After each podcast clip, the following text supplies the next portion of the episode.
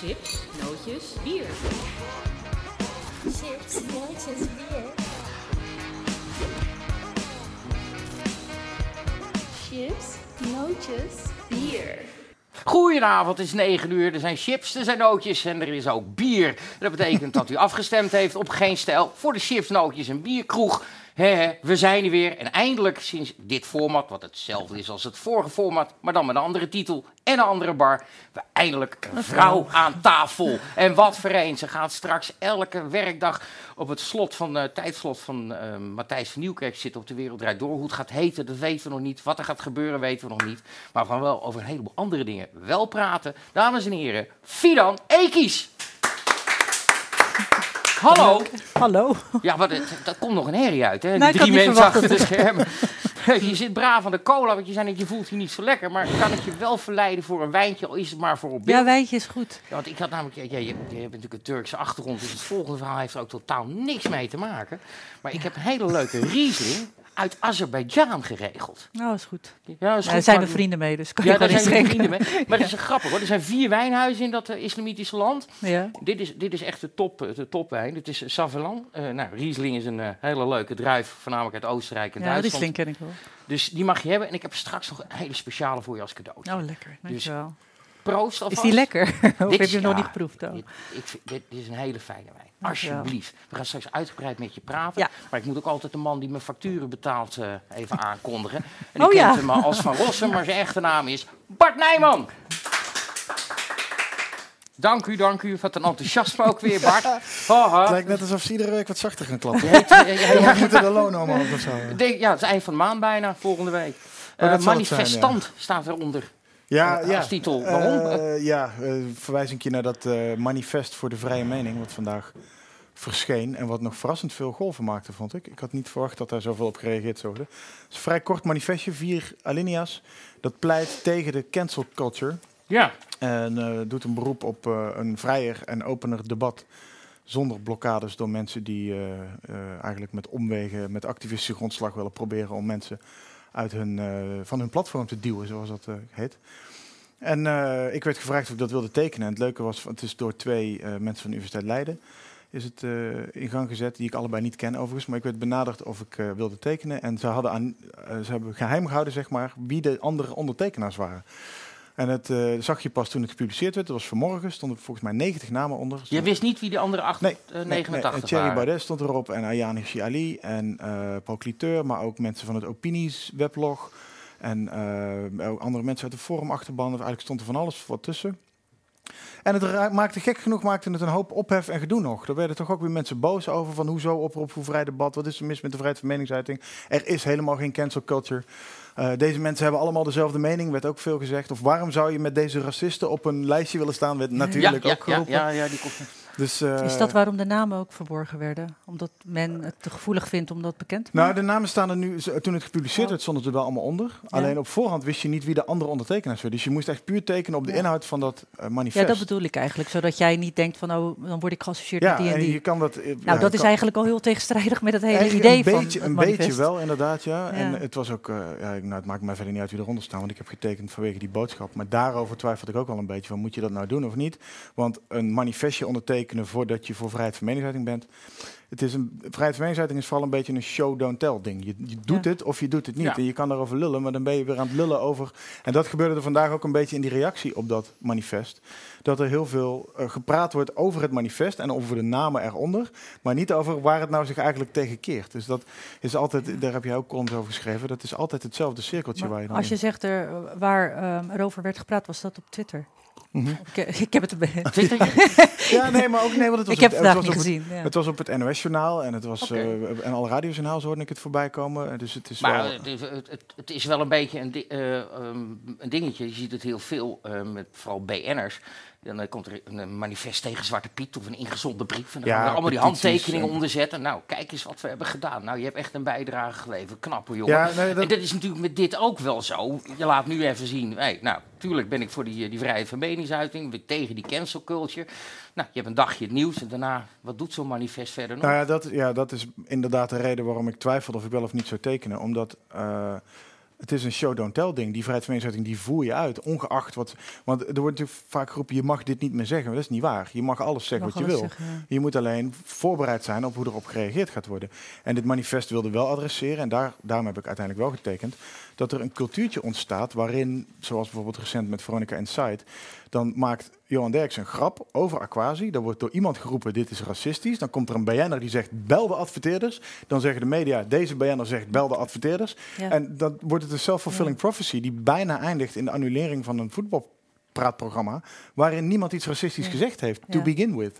Ja. En daar verzette dit een beetje zich tegen. Maar ook dan geldt, ja, je moet gewoon die vrijheidsmeningsuiting blijven gebruiken.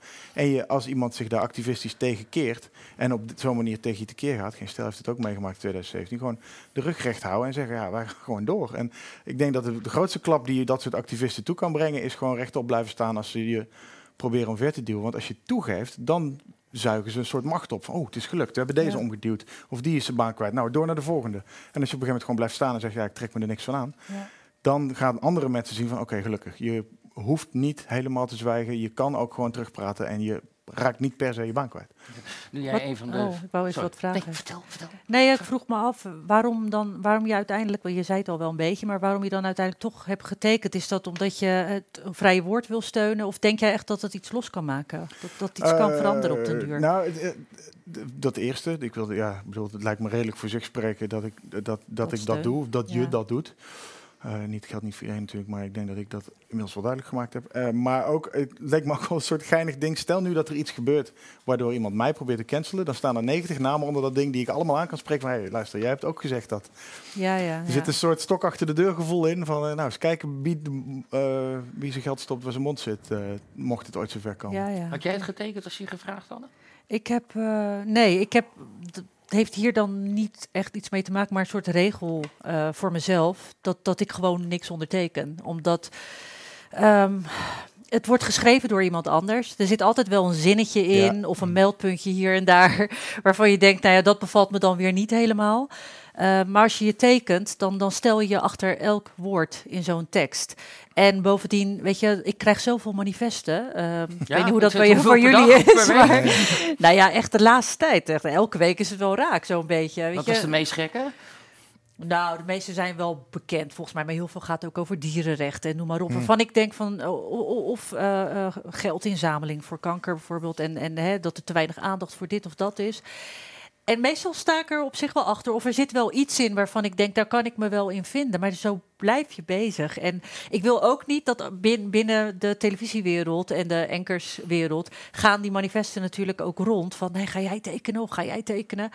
En ehm, er ontstaat dan ook een sfeer, toch, zonder dat het echt wordt uitgesproken, maar dat hoor je dan wel weer via via van, oh, maar dat heeft ze wel getekend en dat Dit niet. niet. Ja, Ja, ja. Die geen stijl eh, boycott. ehm, ik heb dat toen je niet getekend. Nee, nee, ge- dat, nee dat, al, maar ja, als ik dat had getekend, dan zou het ook heel hypocriet zijn geweest als ik me zo eh, ehm, had uitgelaten over Arie Boomsma. Ja. We zullen het woord Je, niet het herhalen. kan ook beperkend zijn inderdaad. En, eh, als je achter bepaalde doelen schaart, dat er dan automatisch al gedacht wordt dat je andere doelen uitsluit bijvoorbeeld. Ja, het, het, het eh, stopt je toch ook in zekere zin in een hokje. En mijn hele bedoeling is nu juist om niet in een Buiten- hokje geplaatst te worden. Of, of ja, weet je, ehm, eh, vriendin zei ook, van het is ook niet zo geweldig goed geschreven, weet je.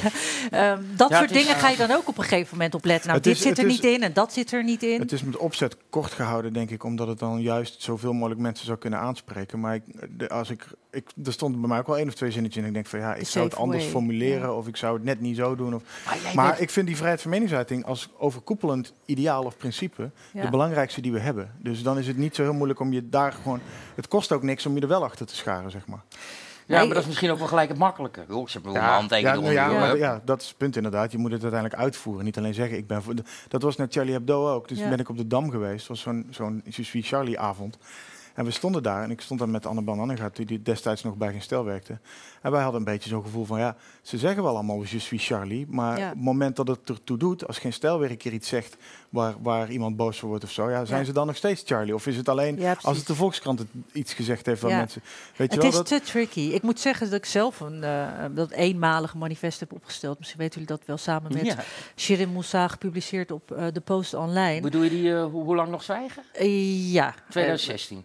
Was al 2000? Nee, dat was een essay dat ik had geschreven. dat nee, dat met ja. Shirin Moussa was volgens mij vorig jaar. Alhoewel, eh, kijk, ik, ik kom niet snel met dat soort acties. Ehm Shirin had mijn opinie gelezen en die zei van... nou, we moeten hier echt wat mee doen. Het ging over het boerkaverbod. Het ging over ehm, eh, rechten eh, voor moslima's, vrouwenrechten voor moslima's, noem maar op.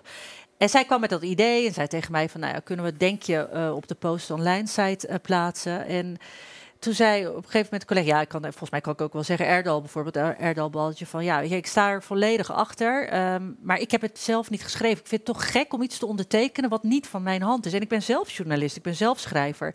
Toen dacht ik wel, ja, I totally get that. Dat is ook een be- beetje blijven hangen bij mij, omdat, laat ik zeggen dat ik dit jaar toch wel de belangrijkste manifesten in mijn leven voorbij heb zien komen. Ik bedoel, ze komen wel langer voorbij, maar ja, blijkbaar, het debat is zo verhit, er is zoveel aan de hand, dat je af en toe echt ja, ik zeg altijd, eh, nou, dat is misschien niet het juiste woord van. Ik heb het gevoel dat ik er activistischer van word of zo. Ik denk eigenlijk meer opinierender. Dat je het gevoel hebt dat je wil laten zien waar je voor staat. Ja, dan is de verleiding best groot om een manifest te tekenen. En vooral als, er, ja, als ze over hele goede zaken gaan. Maar ik doe het toch maar niet. Nee? Ik denk ook, ja, ik denk dat een journalist, denk je dat niet? Dat, dat, Ja, ik beschouw mezelf ligt. niet als journalist. Ik, ik, ik snap het vanuit jouw positie wel. Zeker als je zo'n bekend televisiegezicht bent. Want dan word je Ja. nog veel meer alles aangevreven. Welke keuzes je wel of vooral niet maakt. En, Ja. eh, en de feedback is, is feller en directer. En, eh, En hoe is dat zeg maar eh, binnen jouw werkgebied, binnen je collega's? Je had het net over, er wordt er teken jij wel, teken jij wel, maar word je aangekeken ook als je iets niet tekent? Ehm, soms wel, dat is Ja. wel eens gebeurd. Ja, dat je wel die peer pressure voelt en ehm, dat je denkt, nou, het wordt net niet uitgesproken. Eh, of dan krijg je reacties eh, als ehm, jammer, maar ik neem het je helemaal niet kwalijk. Ik denk van, nou, als je dat erbij zegt, dan, Ja, dan weet je van, eh, met alle respect, dan weten we maar... hoe laat het is. Ja, nou ja, ik, ik, ik, ik moet zeggen dat er een tijd is geweest dat ik daar misschien wat gevoeliger voor was. Vooral als het collega's zijn die je langer kent of met wie je bevriend bent. En dat ik, eh, het gaat echt alsof je gewoon zo'n reis bewandelt en onderweg gewoon eh, je baggage laat vallen. Beetje bij beetje bij beetje ben ik echt op het punt gekomen dat ik me echt nergens meer wat van aantrek. Dat, dat kan je je bijna ook niet permitteren of ja, zo. ja, jij kan het inmiddels wel permitteren, Nou, denk ik toch? Nou ja, Ben je nu moet- een beetje het vlaggenschip van de NPO. eh. je moet Nou, ik bedoel meer qua drukte. Ja, oké. ik heb er geen energie voor. Ja, ja, ja. Dat is het, oké. En, eh, Maar, maar goed. Maar Fidan, Ja. ehm, we hebben jou niet voor niks uitgenodigd. Ehm, jij hebt ehm, eh, al een behoorlijke carrière in de journalistiek achter de rug. Correspondent in Turkije. Ja. En nu je, ne- eh, zit je in Nederland en vroeg me af, je spreekt vast nog wel correspondenten die in Turkije zitten. Zeker, ja. Is daar een groot verschil met toen jij er zat en hoe dat nu gaat? en wanneer zat je daar? Van Ik 2003? zat er, ja, zo 2003 tot 2007, zo ongeveer. Ja, groot nu, maar gewoon door de jaren heen. Vanaf het moment dat ik daar ben vertrokken. Eigenlijk rond de tijd dat ik ehm, terugkeerde naar Nederland, ehm, ging het al. Ja, men zegt dat het onder Erdogan juist aanvankelijk toen hij aan de macht kwam rustiger was dan voorheen. Zo van vergeet niet dat voor Erdogan journalisten zoals Oer Mumcu eh, zijn vermoord. En ehm, journalisten waren altijd vogelvrij wat dat betreft. Ehm, maar de periode dat Erdogan aan de macht kwam, aanvankelijk in het begin, toen was hij nog eh, Europeaan van het jaar tot Europeaan van het jaar eh, benoemd, weten heel veel mensen niet. Dat hij was super populair in het Kan je begin. je hè? bijna niet voorstellen namelijk. Nee, ja, echt serieus. Hervormingen aan, aan de eh, onderhandelingstafel met de EU en noem maar op. En toen kwam er op een gegeven moment een moment dat het beetje bij beetje, ik geef altijd het voorbeeld van de kokende De kikker of kikker in kokend kokend water. Ehm, en toen, ja, ik vind het lastig om te vertellen, omdat ik kan echt uren over doorgaan. Maar een collega, vriend van mij, dat heb ik ook laatst in de opinie van mij geschreven, is toen eh, vermoord. En ehm, puur en alleen om wat hij schreef. En dat ging over de genocide op Armeniërs bijvoorbeeld. Hij werd verrader genoemd, hij werd bedreigd door nationalisten. Ehm, niet beveiligd overigens, daar was heel veel om te doen. Maar gewoon klaarlichte dag eh, voor zijn kantoor. En ehm, journalisten, correspondenten die zich daartegen uitspraken, ja, die kregen het op een gegeven moment ook moeilijk. Ik weet bijvoorbeeld dat Bram, Le- eh, Bram Vermeulen, ik wou bijna Bram Ledage zeggen, Dat is friet. Dat is. Rotterdamse friet is dat. Met zijn eigen aardappelvelden. Ja. maar goed, Ja, Bram Vermeulen. Ja, Bram Vermeulen. Maar die NOS. stond op een zwarte lijst, die kwam er niet in. En eh, toen was ik al weg overigens. Maar ik hoorde wel van co- correspondenten... ehm, dat het gewoon steeds moeilijker was om je werk daar te doen. Als het niet beviel, dan eh, moest je maar weg. Of dan werd je eh, verblijfs... eh, eh, of hoe zeg je dat? Je vergunning werd gewoon niet verlengd. Nou, of Ik je heb er kwam er niet uit, hè? Dat kan ook nog Of je kwam er niet uit. Nou ja, ja, dat was later pas Ja. natuurlijk, veel later Nou, pas. ik heb er toen in, be- in de beginjaren heb ik er niet zo heel veel last van gehad. Maar ik had bijvoorbeeld wel ehm, dat als ik naar het ehm, zuidoosten van het land ging om daar verhalen te maken. Ja, alles wat natuurlijk in de buurt komt van eh, PKK, ehm guerrilla eh, leger die jarenlang strijdt met het Turks leger. Eh, alles wat daar in- de buurt komt is gewoon gevoelig. Eh, daar moet je gewoon niet over schrijven, daar moet je niet zijn, noem maar op. En als ik daar was, werd ik gevolgd. En dan wist je gewoon dat je telefoongesprekken werden afgeluisterd, weet je. Dus het is eigenlijk nooit helemaal oké geweest. Maar ik weet wel dat de afgelopen jaren met die zuiveringen... dat, dat het voor journalisten... en daar, ik heb ook een documentaire gemaakt over persvrijheid... Mhm, Nou, die verhalen die ik toen hoorde, die, die hoorde ik niet toen ik daar Toen er werkte. Het is echt veel erger geworden. Qua en het engste vind ik, en dat is dan meteen een link naar Nederland. Het engste vind ik die zelfcensuur die ze moeten toepassen. En dat journalisten, collega's die jarenlang met elkaar hebben gewerkt, elkaar niet meer vertrouwen. En ehm, ehm, weten dat er dan een mol op de redactie is die, als je niet ontslagen wil worden, dan geef je Is- de is- verraders is aan. dit- oude is dit- Stasi-praktijken is dit- zijn Ja. ja. Is dit wat jou ook eh, motiveert om je in dat eh racisme-debat en cancelcultuur-debat zo te zeker. roeren? Om te voorkomen dat het hier ook zo bij wijze van spreken daar naartoe afgeleid? Ja, zeker. Dat is echt. eh, ik, ik, ik moest dat trouwens ook uitleggen aan, aan een aantal collega's. Die merk ik dat, dat ze nooit helemaal begrijpen waar Mhm. dat van vandaan komt. Of ze vinden dat ik overdrijf, of ze vinden dat je de vuile was buiten hangt, Mhm. Ehm, of ze vinden het te rechts. En eh, ehm, je moet niet vergeten dat we bij, nou ja, BNNVARA, hè, dat je bij BNNVARA zit. En dan denk ik, you don't get it. En dan zijn er een aantal collega's die, die dan zeggen, ik, ik denk dat ik wel begrijp waar het vandaan komt bij jou. Ehm, Ik bedoel, eh, je ah, Turkse achtergrond, in Turkije gewerkt. eh, je, weet, je weet wat er kan gebeuren. Je weet wat de gevolgen zijn van censuur en cancel en eh deplatforming en noem maar op. Ik, dit, ik, soms denk ik, ja, heb je dat niet, dat je denkt van... ehm, ik heb heel lang gedacht dat het niet willen weten is en wegkijken is. Hè? Mhm. Ehm, dus het bagatelliseren om die reden. Inmiddels begin ik een beetje te denken dat het een soort onwetendheid is. Ja, ja, ja. Men weet gewoon niet Ik- beter dat heb zo. ik de afgelopen periode, afge- eh, sinds George Floyd zo gezegd, Ja. eh, is me dat op gaan vallen. Dat, eh dat was een hele heftige reactie natuurlijk. Ik, die die verklaar, je, verklaar ik deels een beetje uit die heftigheid van corona die een uitweg zoekt. Dat we daar ineens een soort collectief Ja. We konden gelukkig over iets anders ruzie maken, ging, was het eigenlijk een beetje. Maar dat je inderdaad, eh, de- dat hoe die, die cancel culture, eh, die, die we eigenlijk al jaren gadeslaan, hoe die op Amerikaanse universiteiten in opmars is en hoe die woke en die SJW-beweging eh, ruimte opeist en van andere mensen Ja. ruimte probeert af te pakken. En dat, wij zien het al jaren. We schrijven er al jaren stukjes over. En in één keer komt het naar Nederland in een vrij forse vloedgolf, die ineens, Ja. terwijl er verder niks is, want alles is dicht en iedereen kijkt alleen maar naar dezelfde kanalen en ziet hetzelfde verhaal. Want we hebben dit jaar hebben we corona en racisme zijn de enige twee dingen die er dit jaar gebeuren, lijkt Ja. het wel. Dat wordt een Maar hele in ieder korte geval- conf- Ja, inderdaad, oudejaarsconferentie er voor Joepatec, denk ik. eh. Het was een kutjaar, applaus. Maar de, eh, eh, je, ziet, je ziet dus, in, eh, het, het viel me op inderdaad, omdat het ineens zo'n gloedgolf is, dat Ja. mensen ineens zeggen, wat is er aan de hand joh? En ik denk, maar wacht even, dat weten we toch al jaren? En dan ineens ging bij mij ook het lichtje branden van, ja, de meeste mensen zijn natuurlijk niet zo Ja. ondergedompeld, ingegraven in iedere dag door het Ja. internet ploegen of op de- die dingen zien. Ik, ik kijk al jaren Amerikaanse podcasts, dat Ja. doet onze hele redactie zo'n beetje. Je merkt dat Joe Rogan, er stond een paar maanden geleden een stukje over Joe Rogan in de Volkskrant.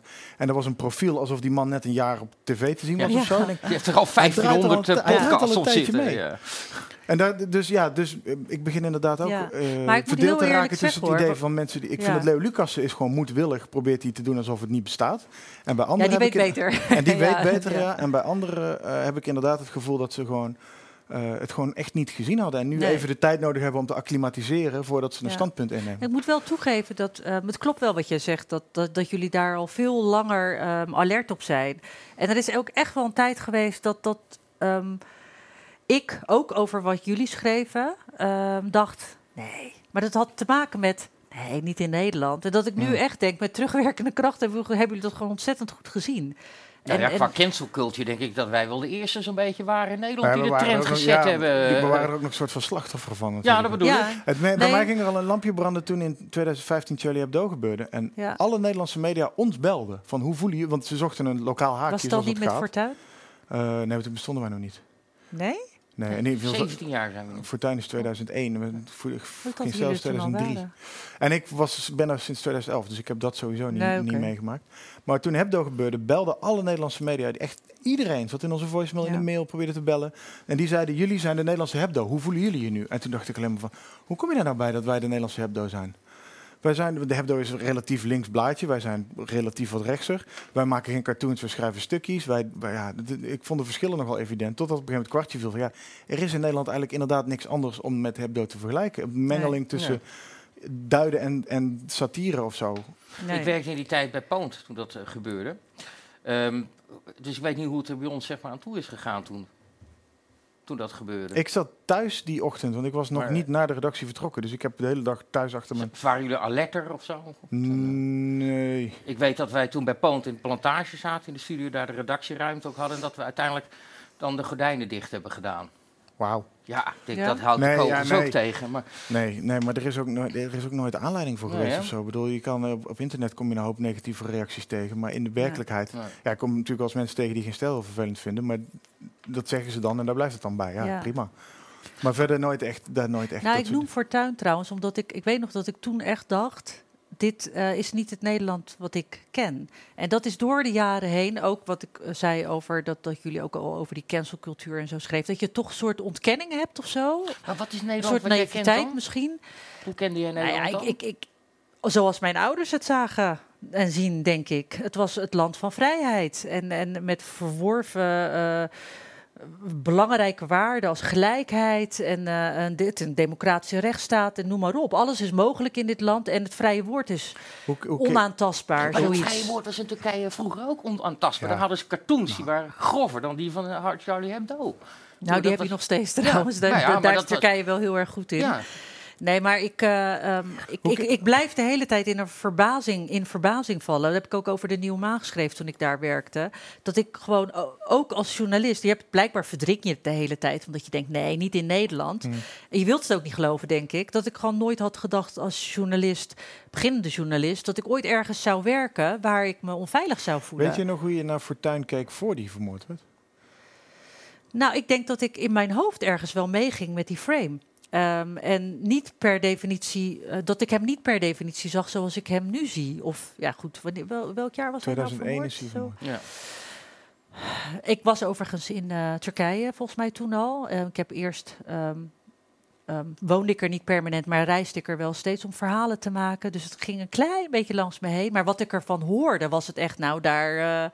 Maar het is Eh, ook een beetje de rol van de media in die tijd geweest. Zeker, Ja. zeker. Maar dat, dat, dat, daar was ik toen niet zo mee bezig. Ik bedoel, later heb ik... eh, ik kan me herinneren, volgens mij was het niet zo heel lang daarna... dat ehm, Wiert er een eh, opiniestuk over had geschreven. En ik weet nou niet meer, was het nou voor Elsevier of voor Dat de GPD? Nee, Elsevier had het volgens mij geplaatst en de GPD wilde het niet, zoiets. En dat ging dus over de... persdiensten waren dat, hè? De, ja, de, lokale... geassocieerde zeg maar, persdienst. En dat ging over de rol van de media. En hij was volgens mij een van de eerste toen die dat ehm, aan de kaak stelde. Van wat, wat, wat hier gebeurt is gewoon niet juist. Het ging over eh, demoniseren. Mhm.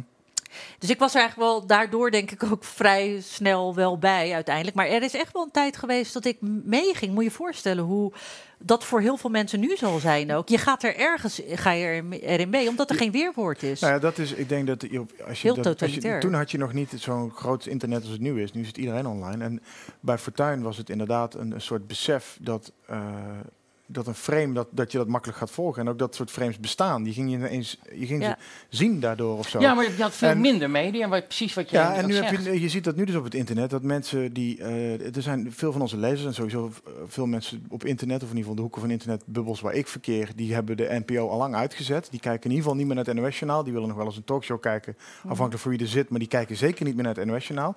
En die worden ook altijd boos van, ja, mensen die daar nog naar kijken, die krijgen maar het halve verhaal en die krijgen de frame en die krijgen de klimaatwaanzin doorgedouwd en die krijgen het nepnieuws. En, Ja. en die, die slaan weer een beetje door naar de andere kant soms, dat ze Ja. per definitie niet meer geloven wat de NOS zegt. Dat is ook een slechte ontwikkeling natuurlijk. Maar je ziet Ja, wel... er dat- je ziet, kampen, hè. dat is ook niet te geloven. Die gelooft, ja, dat is heel raar. Het zijn, het allemaal gewoon. religieuze zeiltjes aan het worden Ja, juist. ja. Ja. dat valt mij ook op. Ik vind dat, ik vind dat echt heel eng Maar eigenlijk. wat, je, wat jij, eh, eh, eh, jij die hele tijd is veranderd, je kon er bijna niet geloven. Eh, inmiddels ben je in die categorie zeg maar woke geworden, een andere soort van woke. maar is het ook een beetje jouw dat ik nog woke genoemd zou worden. Ja, Dit is ja, het ja, idee. is het ook een beetje jouw drijfveer om, eh, om Tom? jou... Hè? Woke is het negatief? Ja, dat snap ik, maar is, ik probeer hem Oh, omgedraaid sorry. dat ze Oh. woke aan onze kant is. Dat maar heet sorry. red Ja, we begrijpen het niet. Dat heet red pill, Tom. Laat maar. Wil je een biertje, jongen? Doe maar nog een beetje. God, god, god. Echt. Ed, ik draag, ik leg me weer niet goed uit. Maar Fidan, is Een dat een beetje jouw drijfveer qua ehm, ehm, eh, hoe jij journalistiek bedrijft, hoe jij presenteert? En dan doe ik ook een beetje op de, op de nieuwe maan. Dat je eh, eh, daar juist heel erg zoekt naar twee verschillende kampen en die Ja. dat debat aan laat gaan. Ja. Is dat, is, is dat de echte drijfveer op dit moment? En kunnen we dat straks ook gaan verwachten, zeg maar? Nou, ik hoop het heel erg. Ik, ik, ehm, ik, Want je gaat straks op het Ja. tijdslot van DWD. Je mag er niet te veel over zeggen. nee, nee, ik kan er ook niet zoveel over Nee, er zeggen, want er, niks. er- is nog niks. Ehm, maar ik geloof, eh, nou, Rens en ik zitten echt wel op één lijn, wat heel veel dingen betreft. En dat is gewoon heel erg fijn. Ik heb gewoon een goede klik met hem. En hij ziet veel wat wij hier nu ook bespreken. Je kan ook met hem praten over die cancel culture, culture en zo. Ehm, maar dat... ehm, Bij deze mag hij ook een keer komen. als hij wil. eh, ja, ik denk dat hij dat wel heel gezellig eh, Leuke zou gozer. vinden. Heel leuk, jongen. Ja, maar hij, is, zeker. hij is ook wel, eh, kan wel met iedereen praten. Ja, vind Dat ik ook. Nou ja, goed. Dat, dat, ik zou die journalist altijd willen zijn, die met iedereen kan praten. Weet je, wij hadden eh, Jan Roos in de uitzending. Mag en je dan eh, Edwin Wagensveld onderbreken? bijvoorbeeld. Want volgens mij was dat de eerste uitzending dat je Jan Roos dat jij presenteerde. Dat was ook gelijk de eerste. ja, en, de- en toen ging jij gelijk voor, eh, moeilijk maken. voor, voor het En laten Ja. we daar nou net toevallig een stukje van uitgekozen hebben om te laten zien. Oh, gezellig. Kan ik even Dames mijn en rok naar heren, beneden hier startje 1 alsjeblieft. Ik denk niet dat u heel goed eh, hoort of begrijpt wat ik eigenlijk probeer over te brengen. Op het moment dat wij het constant gaan hebben over een hele kleine groep, rotte appels om maar even zo te zeggen, dan, gaan, dan gaat men zich daar natuurlijk ook wel dit- beangstigd door maar voelen. Maar het je- overgrote deel doet het in Nederland gewoon heel erg goed. Eh, Jan Roos, wil je even reageren? Nou, kijk, weet je, het hele verhaal iedere keer is dat het eh, of een verwarde man is... en dat we uiteindelijk toch wel laten zien dat het toch geen verwarde man is... maar gewoon iemand die dat uit de naam van de islam doet. Nee, nee, we Dan kan je maar even luisteren. man Maar wat je dus krijgt, is dat je dan altijd hebt... ja, maar het zijn een paar rotte appels. Dat is per direct en wetenschappelijk aangetoonde nonsens. Nee, maar even wachten. Eh, de, de wil om geweld te gebruiken voor de islam... is een gigantische aanwezigheid. Dat is een gigantische aanwezigheid. Dat zijn niet een paar rotte appels. Dat zijn al in Nederland tienduizenden mensen. Dat zijn niet een paar rotte appels. En dat is een heel groot gevaar. En mijn probleem is, we hadden het net al over extreem rechts... Ja. Het probleem dat u heeft, is niet extreem rechts. Kijk, iedereen wordt extreem rechts genoemd. Die mensen daar die in Duitsland daar op de straat zijn gegaan, die waren niet extreem rechts. Nee. Dat zijn mensen zoals ik, die zeggen... wij hebben hier een land. En we zien dat zo veranderen onder, onder invloed van immigranten. Maar voornamelijk van de islam, daar hebben wij moeite mee. En maar dat dan zijn er dus mensen zoals u die Ja. anderen in Oost-Duitsland op dit moment opjagen omdat zij er anders uitzien. Dat is grappig dat u dat zegt, Ja, want dat dat is nou vandaag Jan. gedebunked als onzin, als nepnieuws.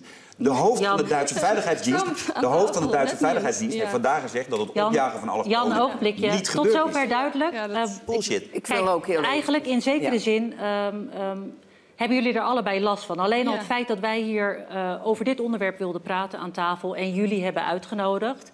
Riep al heel veel, ogenblikje, riep al heel veel reacties op, op eh, sociale media. Want dit programma zou bedoeld zijn voor moslims. En dat is natuurlijk helemaal niet zo, want wij willen juist met alle partijen in gesprek. Dat was de eerste uitzending van Nieuwe Maan onder leiding van Fidan Ekis. Nou, Fidan, je Ik- klapte eh, er gelijk even in. Ja, eh. nou, eerste uitzending. Nee, maar als ik dit terugzie, denk ik echt... eh, ik ben echt zo trots op wat we daar hebben gemaakt. En ook tegen de stroming in, tegen alle kritiek in. Het was zo moeilijk om het programma te maken. Echt, het was een veldslag gewoon om vrijdag die tafels op een gegeven moment gevuld te krijgen. Dat ik echt tegen de eindredacteur zei... Straks zitten we gewoon met een lege tafel, omdat mensen niet meer willen komen. Nee, serieus. Maar dit is gewoon wat ik wilde en nu nog. We hebben zoveel over ons heen gekregen. Bestaat het programma nog? Eh, ja, eh als je wat eh, El Miloudi presenteert het nu. Oh ja. En, ehm, maar je zou kunnen denken van, oh, nou, ja, ik, trek, eh, ik trek dit terug, of we hadden het niet moeten doen, of de zus en de zo. Nee, ik ben hier echt trots op. Omdat, het, eh, omdat we... eh, ehm, ik had zo erg gevoel dat ik toen. Ik stond echt te popelen toen ik bij de Nieuwe Maan werkte. Ik dacht, er- dit debat wordt overal buiten de televisie om gevoerd. Laten we het eens op we eens televisie op televisie Ja. doen. En, en ik kwam er ook meteen in met nodig die uit, nodig die. En ironisch genoeg wa- was, was ik niet degene die eh, Jan noemde, maar werd gezegd dat zij de dame in eh Burka zei, ehm, nou ja, noem dan iemand waar jij dan last van hebt, hè, als je En zo gekleed... ze, Dus ze noemde een aantal namen en hij zat ertussen. En wat ik zo fijn vond aan de redactie was dat ik dacht van, nou, daar gaan ze misschien moeilijk over doen. Maar iedereen zei meteen, ja, nou, uitnodigen. Gewoon klaar.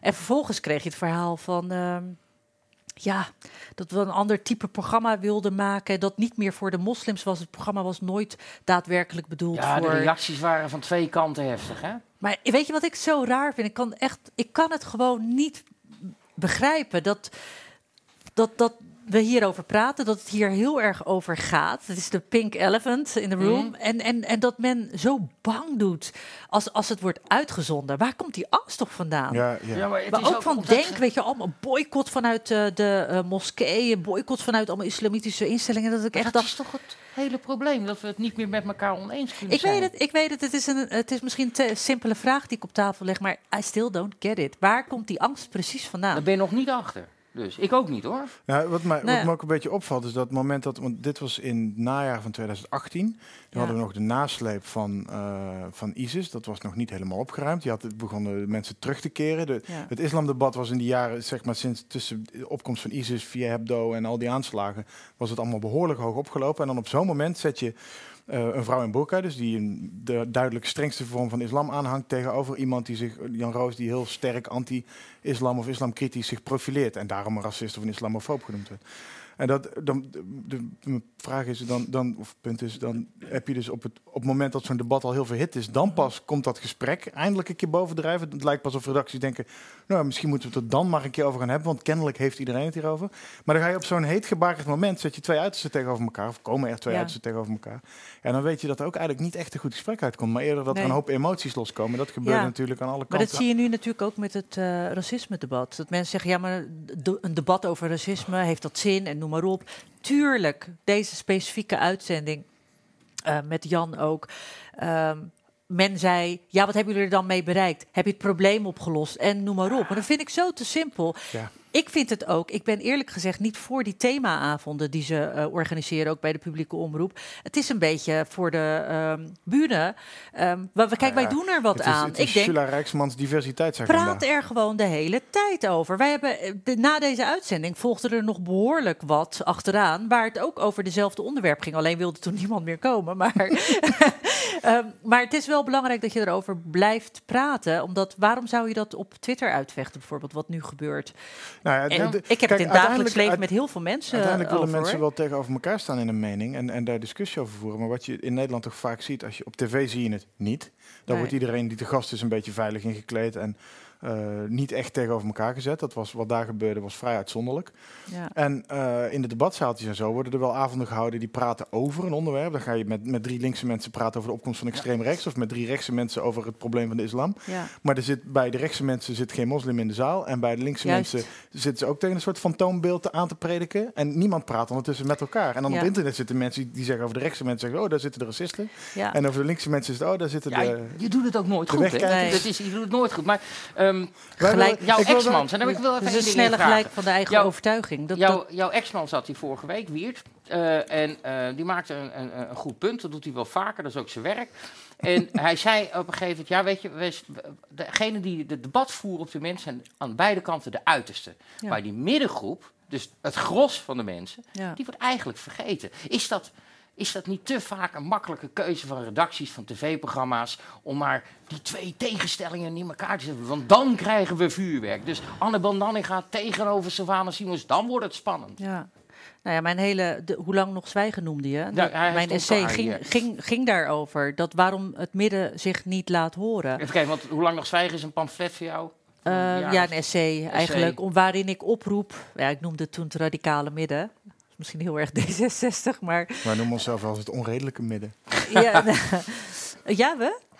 Ja, het onredelijke midden. Ja, jij, jij, jij Geen vindt, eh, ja. Ja, ik vind dat wij ergens nog steeds in het midden zitten. Meer midden dan rechts, Ja. maar veel Nou, maar ik heb maar een klein stukje Ik ben daar heel erg voor. Ja, ik vind Ja. het eh, uit dat, eh, eh, de inleiding van. Wat was je vraag ik vind het zorgwekkend dat de grote meerderheid in dit land zijn stem niet laat horen. omdat men Ja. bang is voor racist, islamofoob, radicale moslim, boze burger of tokkie te worden uitgemaakt. Juist nu is er meer dan ooit behoefte aan die zwijgende meerderheid.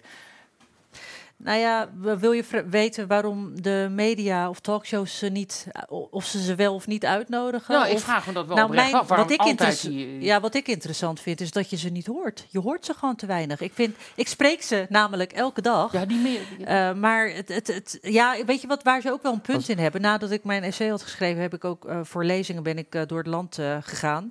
En dat mensen zeiden van ja, maar wat moeten we dan doen? Moeten we dan aankloppen voor zendtijd? Of, of moeten we. Wij hebben het, het, het eh, platform niet om, om, om ons te uiten. Nou, dat heb ik wel echt heel erg onthouden. Ehm, en ik, we hebben natuurlijk gesprekken na, na afloop, eh, als, je, als je elkaar spreekt. Dat ik dacht, nou, ik kan één ding doen. En dat is dat geluid. ehm, ehm, hoe zeg je dat? Eigenlijk het doorgeefluid Probeer- zijn ja, bijna. Ja, ja. ik Het pro- dat is- faciliteren Ja, het ja. faciliteren. Daarom, daarom blijf ik opinies schrijven. En eh, ik hoop dat ook straks gewoon te kunnen blijven. Dus we gaan even trekken, even een zak chips. En zin niet, meer. hoor. we zijn in de kroeg, hè? Dus, eh, Dat horen wij te doen. ja, ja, je ga je gang, maar eh, Ze liggen voor ik je weet niet of jij nog wat wil eten. Ki- Kip met curry. Laten we dat niet meer doen. Nee. Nee, maar ik, ehm, ik snap wel dat mensen. de- maar ja, aan de andere kant, ik heb ook heel vaak meegemaakt dat je ze, wanneer je mensen uitnodigt, bijvoorbeeld omdat ze een ingezonden brief hebben geschreven, of omdat ze eh, iets op Facebook hebben geschreven, zo mensen durven ook gewoon vaak niet. En Nee, dan is het toch achter je toetsenbord. Ik dat is makkelijk. En- Ja, ik snap het ook wel. Als je geen media-ervaring hebt. Het is Ja. niet echt heel erg... Wij hadden het er net nog over dat ik, ik ben nog altijd zenuwachtig als ik hier zit. Dus eh, Ja, ben je dat? Je bent toch niet zenuwachtig van mij of van Bart? Nou, wel voor jou. Ja, dat snap ik. Ja, ik ben ook een beetje hyper altijd, hoor. Dus eh, ik was ook heel zenuwachtig voor jou. Ik Wat ben- wil die zeggen, ik- Bart? Dat ik ook altijd zenuwachtig ben voordat ik live... Ik ben niet meer zo camera-angstig als ik ooit was. Die moet een colbertje aan. Ja, sorry, dat is iets. Helpt dat? Nee, die zit allemaal mensen tegen me zeggen, je moet een colbertje aandoen. Want Die man heeft nog nooit van zijn leven een colbertje van dichtbij gezien. Ja, dit colbertje. Maar Nou, ik Maar zie hem ook niet echt in een Colbert, eerder in een hoodie of zo. nee, precies. Ja, toch? Precies, Maar ja. mag ik vragen, waar, waar zitten jouw zenuwen in? Ik bedoel, kijk, ik, als ik iets presenteer, ehm, het is, begint minder te worden, maar dan heb ik soms het gevoel als ik examen moet doen. Stel je voor dat je iets verkeerd zegt. Is het bij jou omdat, je zei al voor de uitzending van geen stijl, ja, het ligt natuurlijk wel gevoelig en zo. Is, dat, is het dat? Nee, nee, want, nee, want wat ik hier in mijn eigen huis doe, dat, eh, daar schaam ik me natuurlijk absoluut Nee. niet voor. Daar ben ik ook niet nerveus over. Maar je wil dat het gesprek op gang blijft. Dat het blijft doorlopen, dat er geen stiltes vallen, dat het niet ongemakkelijk wordt. Zoals ik nu een beetje tom staan te staren om te kijken hoe ik naar het einde van deze zin moet. Nee, dat, dat- en ik, ik weet dat als ik begin te ratelen, dat ik soms ook even afgeremd moet worden. Omdat ik nogal door ouwe hoer. Maar waarom eh. is dat erg? Nou, weet ik niet. Ik wil ook als er graag dat, het, vallen. ik vind het zelf niet leuk om, of niet erg om te ouwe hoeren. Maar ik, soms kan wel voorstellen dat mensen denken, nee man, hou even je kop. Je hebt iemand te gast. Laat die lekker praten. Ja, je hebt waarschijnlijk, jij je zenuwachtig? hebt waarschijnlijk Dat de reacties gelezen. Daar moet je echt niks van aantrekken hoor. Hey, Laat ze maar lekker lullen. Dat je dit hartstikke goed doet. Mag ook wel eens Daar word gezegd ik nog worden. nerveuzer van als En van jou snap ik het ook niet. Je, ik las een interview met je een paar weken terug. En toen, ze- toen zei je eh, dat je jezelf een, als een stoorzender zag, zag naast Jeroen Pauw. En toen dacht ik, eh, huh? Nou, kijk, Omdat je voor mij gewoon over... Nou, er zit een zelfverzekerde dame. Die heeft er... eh, die Strepen staat verdiend. daar mannetje of vrouwtje, of hoe je het ook moet zeggen tegenwoordig. En, en bleek je zenuwachtig te zijn Ja, maar ik heb heel veel. Jij noemde al een beetje op wat ik allemaal heb gedaan. Daar zit, zat presentatie niet echt in. Want de Nieuwe Maan was mijn eerste waar? Dat, ja, Ja. ik heb daarvoor heb ik eigenlijk altijd documentaires gemaakt. Gewoon geschreven eigenlijk vooral. Om in een, ja, ik denk bij een camera, denk ik, waar kijk ik nu in en tegen wie praat ik? Een beetje van hallo. Met Het zijn hele lieve reaguurders. Zitten allemaal op een zolderkamertje. Echt hele lieve mensen. Nee, ik vind het heel. Het heeft iets. eh, ja, hier vind ik het prima hoor. Maar ik, eh, ik, het, het voelt onnatuurlijk. Ik, kijk, dit vind ik fijn. Weet je, we kunnen gewoon lekker kletsen. En dat hele. Het voelt alsof je presentatortje aan het spelen bent. Een beetje dat gevoel.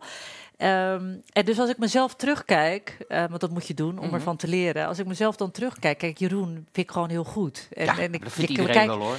Ja, nou ja, er zullen vast wel mensen zijn die dat niet vinden. Maar Maar, ik, maar ik daar vind. is het ook hetzelfde hoor. ik- mijn linkse vrienden vinden hem te rechts en mijn rechtse vrienden vinden hem te links. Ja. Ja, eh, Jeroen is gewoon verstandig, laten we het zo zeggen. Vind ik echt. Ehm, hij, hij, hij, je kan hem niet in een kamp plaatsen, vind ik. En dat vind ik gewoon verstandig. Ehm, maar, ehm, dus als je jezelf, als je dan, ik vind het sowieso lastig om mezelf te horen en te zien en noem maar op. En dan zit je ook nog eens naast Jeroen. En dan denk ik wel. Ja, ik- maar, ik heb echt zo zitten kijken een jou, paar Hij geeft jou wel een soort van... eh, hij is een soort anker in zo'n programma. Ja, omdat hij zo ervaren is. Je Zeker, weet dat naast hem zal het niet doodvallen of stilvallen. En dat geeft je juist de vrije rol. Die volgens mij Ja, ik in moet ook zeggen dat in op dat die zondagavond wel goed naar voren kwam. Wij in, dat specifieke, in die specifieke ehm, uitzending van Telegraaf TV was volgens mij. Ja, hij kwam er ook wel een beetje heel kritisch in. Weet je, dan. Eh, ik denk als de vraag misschien anders was gesteld, of, of we hadden, het waren er niet zo diep. Volgens mij ging het echt een half uur lang over mijn rol. Dan, dan had ik het misschien ook minder snel gezegd. Want ik, Maar- maar als je het me nu vraagt, ik vind dat de laatste uitzendingen echt lekker gingen. Ja. Ik ben heel blij dat ik het heb gedaan, ontzettend veel geleerd. En hij heeft mij wel steeds, dat is ook wel knap eigenlijk, vooral als je het heel lang alleen hebt gedaan, heel veel ruimte gegeven. Hoeft Ja. hij ook niet te doen. Af en toe dacht ik echt van, nou merkte ik dat hij dan wat wil zeggen. Maar hij kent je natuurlijk al heel lang, omdat je We ooit in de redactie van Paul Ja, Witteman zat. Ja, we Maar kennen elkaar al heel lang. Dus dat toch een beetje onzekerheid is dat dan? Of, eh, Ik, ik, ben, ik heb echt hele onzekere kanten. Die Ja, heb maar ik gewoon. Wat het is wel grappig. Een klein persoonlijk dingetje van mij. Ik, maar ik had een hele lieve moeder, ze is er niet meer. Bij alles wat ik deed. Eh, dus ze zei ik tegen mijn moeder: ik, mag, ik word verslaggever bij geen stijl. En zei mijn moeder: "Oh, hoezo kan jij dat nou? Weet je, dat was Oh ja? met alles hoor. Ik maakte een keer promotie bij Hewlett Packard. Hoezo moeten ze jou dan over? Heb je daarvoor geleerd dan? Nee. En, eh, wat heb je eh, gedaan dan? hè? Waar, wat heb je geleerd? Oh, nee, wat ik daar op een gegeven moment... Nee, ik heb bij Hewlett Packard gezet, maakt niet uit. Maar uiteindelijk kwam ik bij Geen Stijl terecht. Dus ik zeg dat tegen mijn moeder. Die kende dat ook niet. Dus ik legde dat uit. Ze zei, nou ja, snap ik echt niet dat ze jou ervoor vragen. Weet je, je hebt dat helemaal niet geleerd. En toen heb ik eindelijk besefte ik toen van... Hé, hey, maar als zij me ervoor vragen... Dan zal ik blijkbaar toch wel iets goed doen. En dat is bij jou natuurlijk ook zo. Als je jou vraagt voor het, eh, het grootste primetime slot wat op NPO ja, is... natuurlijk. dan natuurlijk. doen ze dat niet voor Ja. niks. En je Ik- moet het nu straks met Renze doen. En dat gaat echt wel lukken. Ja, maar daar heb ik eh, wel vertrouwen in, omdat ik in een eh, andere rol. eh, God, ga ik, me zo, ik, ik, ik praat gewoon te veel. Oké, ik zal je helpen, ik zal je helpen. Want jij wil, jij wil, je wil de uitzetlocatie naar Rotterdam krijgen. Straks gewoon echt Ik, we Rotterdam, ja, ja, daar heb ik al, dat heb ik ooit openbaar verteld. Daarom, dus dat mag Ja. je vertellen. Ja, je daar- wil daar gewoon ik weg uit op. Amsterdam en daar ben ik voor. Lekker naar Rotterdam. Rotje knor. Ja, ik ben er Als het, echt- als het je lukt, dan ga ik een standbeeld voor je bouwen. Want dan ben je Oh, echt, echt? de eerste. Dan ben je de eerste Oh, die sinds, ga ik onthouden. dan ben je de eerste sinds 1980. Ja, wel van papier maché, want ik ben niet heel goed met brons. Maar, Oh ja, nu weer het terugkrabbelen. Nee, we laten een, een, een stand bouwen. je hebt plekken straks, dus ze worden toch weggetrokken. de Dus, eerste sinds 1968 die de media uit Amsterdam en Hilversum losbikt. En eindelijk Ja. eens een keer naar een andere stad brengt. Waar volgens mij Ja. in vergelijking met. Ik bedoel, het is nog steeds een randstadstad. Maar waar in vergelijking met Amsterdam wel een stuk meer echte mensen rondlopen. In Ja. plaats van importprovincialen met een attitude. Ja, het moest gezegd worden blijkbaar. Want ik vind niet dat er nou meteen heel erg eh, veel weerstand was. Ik denk dat men denkt van Ja, nou, we, ja, dat is we nog get it. er net bij komt straks zou- Nou, ik, ik ben heel koppig. Als ik iets kijk, dat wat Ja? jij net Ja, ja, zei, ga je die deze- onzekerheid. Dat heeft ook perfectionisme, koppigheid. Het moet allemaal goed. En als ik ergens aan be- begin, dan bijt ik me daarin vast. Ik, ik ben hier ontzettend achter de schermen, ontzettend aan het onderhandelen. het zal niet lukken voor het eerste seizoen. Daar, is- dat, dat is Dat te snel. En iemand zei tegen mij, eh, dat is net als dat je een huis koopt en dan daarna ehm, de badkamer en zo gaat doen. Nee, dat moet je ervoor doen, want anders komt het er niet meer van. Ik dacht van ja, dat snap ik. Weet je, als je eenmaal bent begonnen, kom jij niet meer naar Rotterdam. Maar ik laat dat niet los. Al is het alleen al omdat het, eh, ik bedoel, ik woon daar. Ik, ik, ik ben Oh, het is niet voor je eigen Rozenburg gemak. kom jij Het is voor je eigen gemak. voor, ja, nou ja, eigenlijk uiteindelijk oké, whatever. Kop, Ja, ja. Die- Jij wil gewoon op de Fidan fiets is gewoon naar huis. lui. Woon jij nog in Rozenburg of niet? Nee, Rotterdam. Eh, Echt Rotterdam. Oh, dat- maar Dat- Rozenburg is ook Rotterdam, hè? Ja, maar dat Zo. is kick om te zien s'avonds als je daar langs rijdt. Ja, oh, oh, jij kent dat. Ja, ik, ik rijd er regelmatig langs als ik naar mijn huisje in Zeeland Dat ga. is magisch. Echt. Het zit in eh, een van mijn ja. documentaires, hebben we het gefilmd. Ja, ik wil er een keer met een ik- drone ook. Ja. ja, maar goed, dit wordt wel heel erg Kippenvel krijg ik daar echt als ik... eh, nou ja, als mensen het niet hebben gezien, kunnen ze gelijk meteen een paar googlen. geven. Even terug naar, naar, naar de persoon Fidan, even los van onzekerheid. Waar sta je eigenlijk zelf in het debat? In het midden. In het midden, ja? Echt? Oh ja, ja, vind je niet? Dat weet ik niet, dat vraag ik aan je. Nou, vind ik, ik wel. heb ergens Nou, gelezen doe dat je elk jezelf als een sociaaldemocraat Ja. ziet. Is dat het midden? Dat ben ik van huis uit wel. Nou ja, kijk, ik, ik zeg altijd... Mijn ouders stemden PvdA. Jarenlang. Mijn moeder nog steeds, Kun je ze ook niet overigens. kwalijk nemen. Nee, Zo ging dat in die tijd. Ja, daar heb ik ook wel heel veel over mijn opa ook. Die, die stemt nu PVV, maar is wel lid VPRO. Oh ja? Ja, ja. maar goed, ga verder. We hadden de, trouwens de microgids. Waar Ja. was het? Dat is de Caro. Ja, Caro, hè? ja, Ja, maar dat was omdat het de goedkoopste was. Zo'n klein zwart-wit dingetje. Maar goed, eh, kijk maar verder. Mijn vader bijvoorbeeld was heel erg van huis uit seculier links. En dat seculier links, zoals we dat kennen in Turkije, is heel anders dan wat we kennen in Nederland. Daarom snappen mensen ook vaak niet, als ik die vergelijkingen trek met ehm, dat ik bijvoorbeeld niet kan begrijpen dat je hier ehm, uit solidariteit ehm, vanuit de gemeente Rotterdam bijvoorbeeld eh, meeloopt ehm, met een hoofddoek op om, om te pleiten voor de vrij, hè, hoe zeg je dat? De, de hoofddoek dragen bij agenten. Eh, dat was heel krom verteld, maar jullie weten wat ik bedoel. snap je punt. Ehm, terwijl in Turkije vrouwen juist heel erg eh, zoiets hebben van... eh, dat is juist onvrijheid. Ja. Ehm, en, en weet je, zij snappen dat daar. En ehm, goed, er valt ook wel wat te zeggen over vrouwen... die met hun hoofddoek niet naar school konden, niet konden studeren. Die gingen dan met pruiken op. En dat is inmiddels ook alweer weer afgeschaft, overigens. Bedoel, Turkije is wat dat betreft ook niet... Als ik iets zeg in die richting, krijg ik altijd de berichten van mensen die zeggen... ja, maar je vergeet dat te melden en je vergeet dit te melden. Maar dat seculiere linkse waar mijn ehm, ouders vandaan komen, mijn vader vandaan komt, die we don't get that. Je ziet het met eh ehm Efsan Elian bijvoorbeeld ook, Iran. Iedereen die uit Iran komt, snapt de discussie wel. Die weet wat je bedoelt als je het hebt over seculier. Sowieso Turks-Nederlandse collega's, vrienden van mij hier in Nederland. Wij snappen dat. En ehm, waar we, die vrijheid en ehm, het niet in hokjes plaatsen. ehm, de vrijheid van de vrouw en, en alles wat raakt aan, patriar aan patriarchale eercultuur of wraakcultuur, schaamtecultuur, noem maar op. Mensen, eh, mijn nichtjes bijvoorbeeld in Turkije, die proberen zich daar al jarenlang los van te maken. Dus als ik iets zie in die richting in Nederland, meisjes met een hoofddoek op jonge op leeftijd, ja dan, ja, dan barst ik bijna uit mijn vel. Hoe ging jij om met, die, met al die gasten op de Erasmusbrug toen, al die Turkse gasten? Nou ja, daar heb ik toen eh, het een en ander over geschreven. En eh, dat heeft wat losgemaakt. Ja. En dat ging tot aan eh, die dreigementen toe destijds. Ja, dreiging. Daarna is het vrij rustig gebleven wel hoor. Maar zodra het gaat over eh, politiek in Turkije, zodra het gaat over de islam. Ik had het ook met de Wereld Door overigens toen ik eh, me had uitgelaten over IS en, ehm, en ehm, Charlie Hebdo, van alles geroepen. Was zo gek genoeg ook een soort naïviteit. Weet je, dat je jarenlang schrijft eh, of op een redactie werkt van Paul Witteman of schrijft als correspondent in Turkije. En dan begeef je je in het debat. Dat was vrij nieuw eigenlijk voor mij. Ik was niet echt per se opiniemaker of zo. Ik wist niet wat ik over me heen kreeg. Omdat ik ook dacht, hoe gek genoeg natuurlijk. Ik heb net een voorbeeld gegeven van censuur en eh, personvrijheid in Turkije, noem maar op. Maar daar kan je gek genoeg echt, ik echt wel met collega's ehm, en ehm, gewoon mensen op straat, kon ik echt wel praten over IS.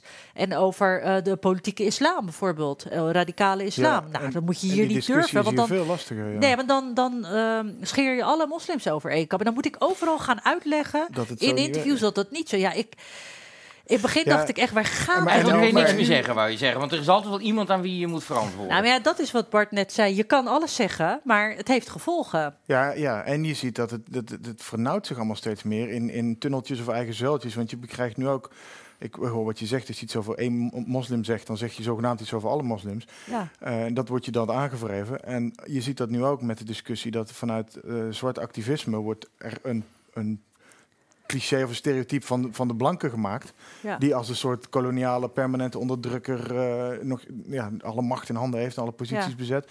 En andersom eh, suggereert die, suggereren die zwarte activisten dat alle zwarten in Nederland ook allemaal één en dezelfde zijn. Allemaal dezelfde gedachten hebben. En dat doe je aan twee kanten allerlei Dat mensen gebeurt tekort mee bijna met heel veel eh, dat soort gevoelige thema's in Nederland. Het gaat altijd Om- op deze omdat het uiteindelijk, er wordt zo weinig op, op microniveau over dat soort dingen gepraat. En dat wordt dus door zo'n cancel culture alleen maar moeilijker gemaakt. Mensen worden steeds onze. Want jij schrijft in 2016 van ik hoop dat mensen op een gegeven moment toch wat meer gaan praten. En je schrijft vorig jaar nog van ik hoop dat die stille meerderheid zich wat meer gaat laten horen. Nou, het is nu weer een jaar verder. En het lijkt erop dat- alsof steeds minder mensen hardop durven praten. Waardoor Ja. die extrapolaties die, en die, die stereotypering zich, nou, die richt zich nu letterlijk op huidskleur. Ja. Je bent moslim of zwart of blank. En, en Ja. we hebben allemaal ruzie met elkaar. Ja, maar over dat midden wordt ook gezegd, ik weet niet hoe jij daarover denkt, wordt gezegd, ja, maar die zijn hier helemaal niet mee bezig. Die zijn gewoon eh, ja, onverschillig. Of je het onverschillig wil noemen, weet ik niet. Maar jullie vechten dit allemaal iedereen- uit op sociale media. En die mensen leiden gewoon hun leven. Dus die denken er helemaal niet over na, überhaupt. Nee, ja, van, moet ik me uitspreken of moet ik me niet Er is uitspreken? natuurlijk ook een specifiek aantal sectoren in het land, onderwijs, wetenschap, media, zeker heel erg politiek, die allemaal met dat maatschappelijk debat bezig zijn. En er zijn ook gewoon mensen die zijn huis aan het metselen of eh, handen aan het bed aan het zijn. En die handen aan het bed zullen zich zorgen maken over of ze eindelijk eens een keer wat salarisverhoging krijgen, of hoe ze door de coronacrisis komen in dit geval. Maar een metselaar, ja, die, die heeft Radio Veronica aanstaan, of misschien, en die hoort één keer in het uur een nieuwsbericht.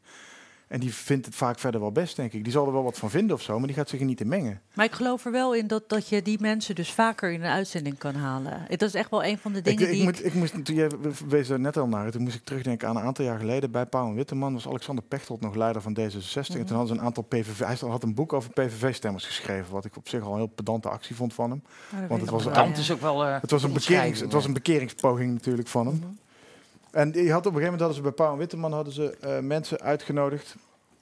eh, PVV-stemmers uitgenodigd en tegenover Alexander Pechtold gezet.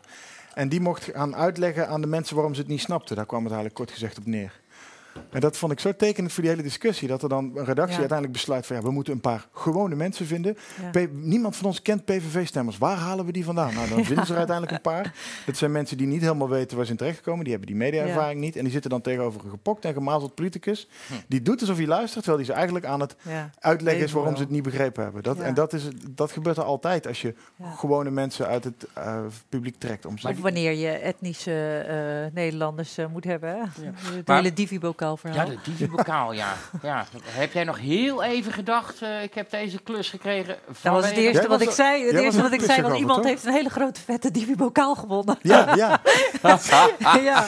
Dat, Hoe, gaat, maar hoe wordt dat nu, nu besproken daar, die divi-bokaal? Is ja, dat is bij de NOS. Niet. niet? Dat is eigenlijk helemaal geen dingetje daar. Nou, ik vind dat het te weinig een dingetje is. Ik, eh, ik heb daar ook wel hele discussies over gehad. Dat ik vond dat we dat gewoon bij eh, op één hadden moeten bespreken. Ja, het is niet gebeurd, I don't know why. Maar eh, Ja, er ja, wordt dan ook niet echt een reden voor gegeven van ja, maar dat, dat, dat, speelt meer. Is dat niet een beetje in-crowd? Wat speelt bij journalisten? Vindt de gewone kijker dat wel interessant? Vonden Ja, ik niet vind- ik vind- Het was gewoon een beetje te groot ik vind als je Shula Rijksman in de uitzending hebt en over het Eurovisie Songfestival, dat, dat als ik er had gezeten, dan, nou, dan, dan, dan, dan had ik het echt niet. eh, eh, niet zomaar laten passeren. Nee, dan had ik echt Maar wel dat- vragen over Maar dat is, daar denk wordt natuurlijk gewoon achter de schermen een telefoontje gepleegd door de NOS van jongens, alsjeblieft niet. I don't know. Ik, Maar- eh, ik, eh, Want ik vond ook dat... Dat- dan doe ik er nog heel even wat wijn bij. Misschien eh, dat je het dan wel nee, weet. echt. Ik, eh, als ik het zou weten, zou ik het zeggen. nee, Maar maar, ik is, weet het- dat- is het dat- echt dat- linkse deugdbende zoals iedereen altijd Nee, over ons zegt? Over die... die het- ik weet het, hadden Ga die- jij maar Ik even wil het wat eigenlijk drinken. lekker Wij doorheen, ja. Maar Doe mij nog maar een biertje, Tom. Ja, joh. Nou, maar ik- wil het wel We hadden- weten of we het echt dat zo links bericht- is We hadden dat bericht over die Divi-bokaal. En eh, een paar uur later lekte er een interne mail van Marcel Geloof uit, van de NOS. Mhm. Die, waarin gewoon in de eerste alinea stond van ja, dit is geen stijl. En je weet, eh, die zitten er niet in. Om Ja, iets, heb ik eh, gezien, ja. dat was, daar Ja. moesten we wel hard om lachen. En ik, ja, dat is echt zo'n laffe uitvlucht. En daarna vijf alinea's, als ik je vind, dan ben je de mijne. Dat was een beetje...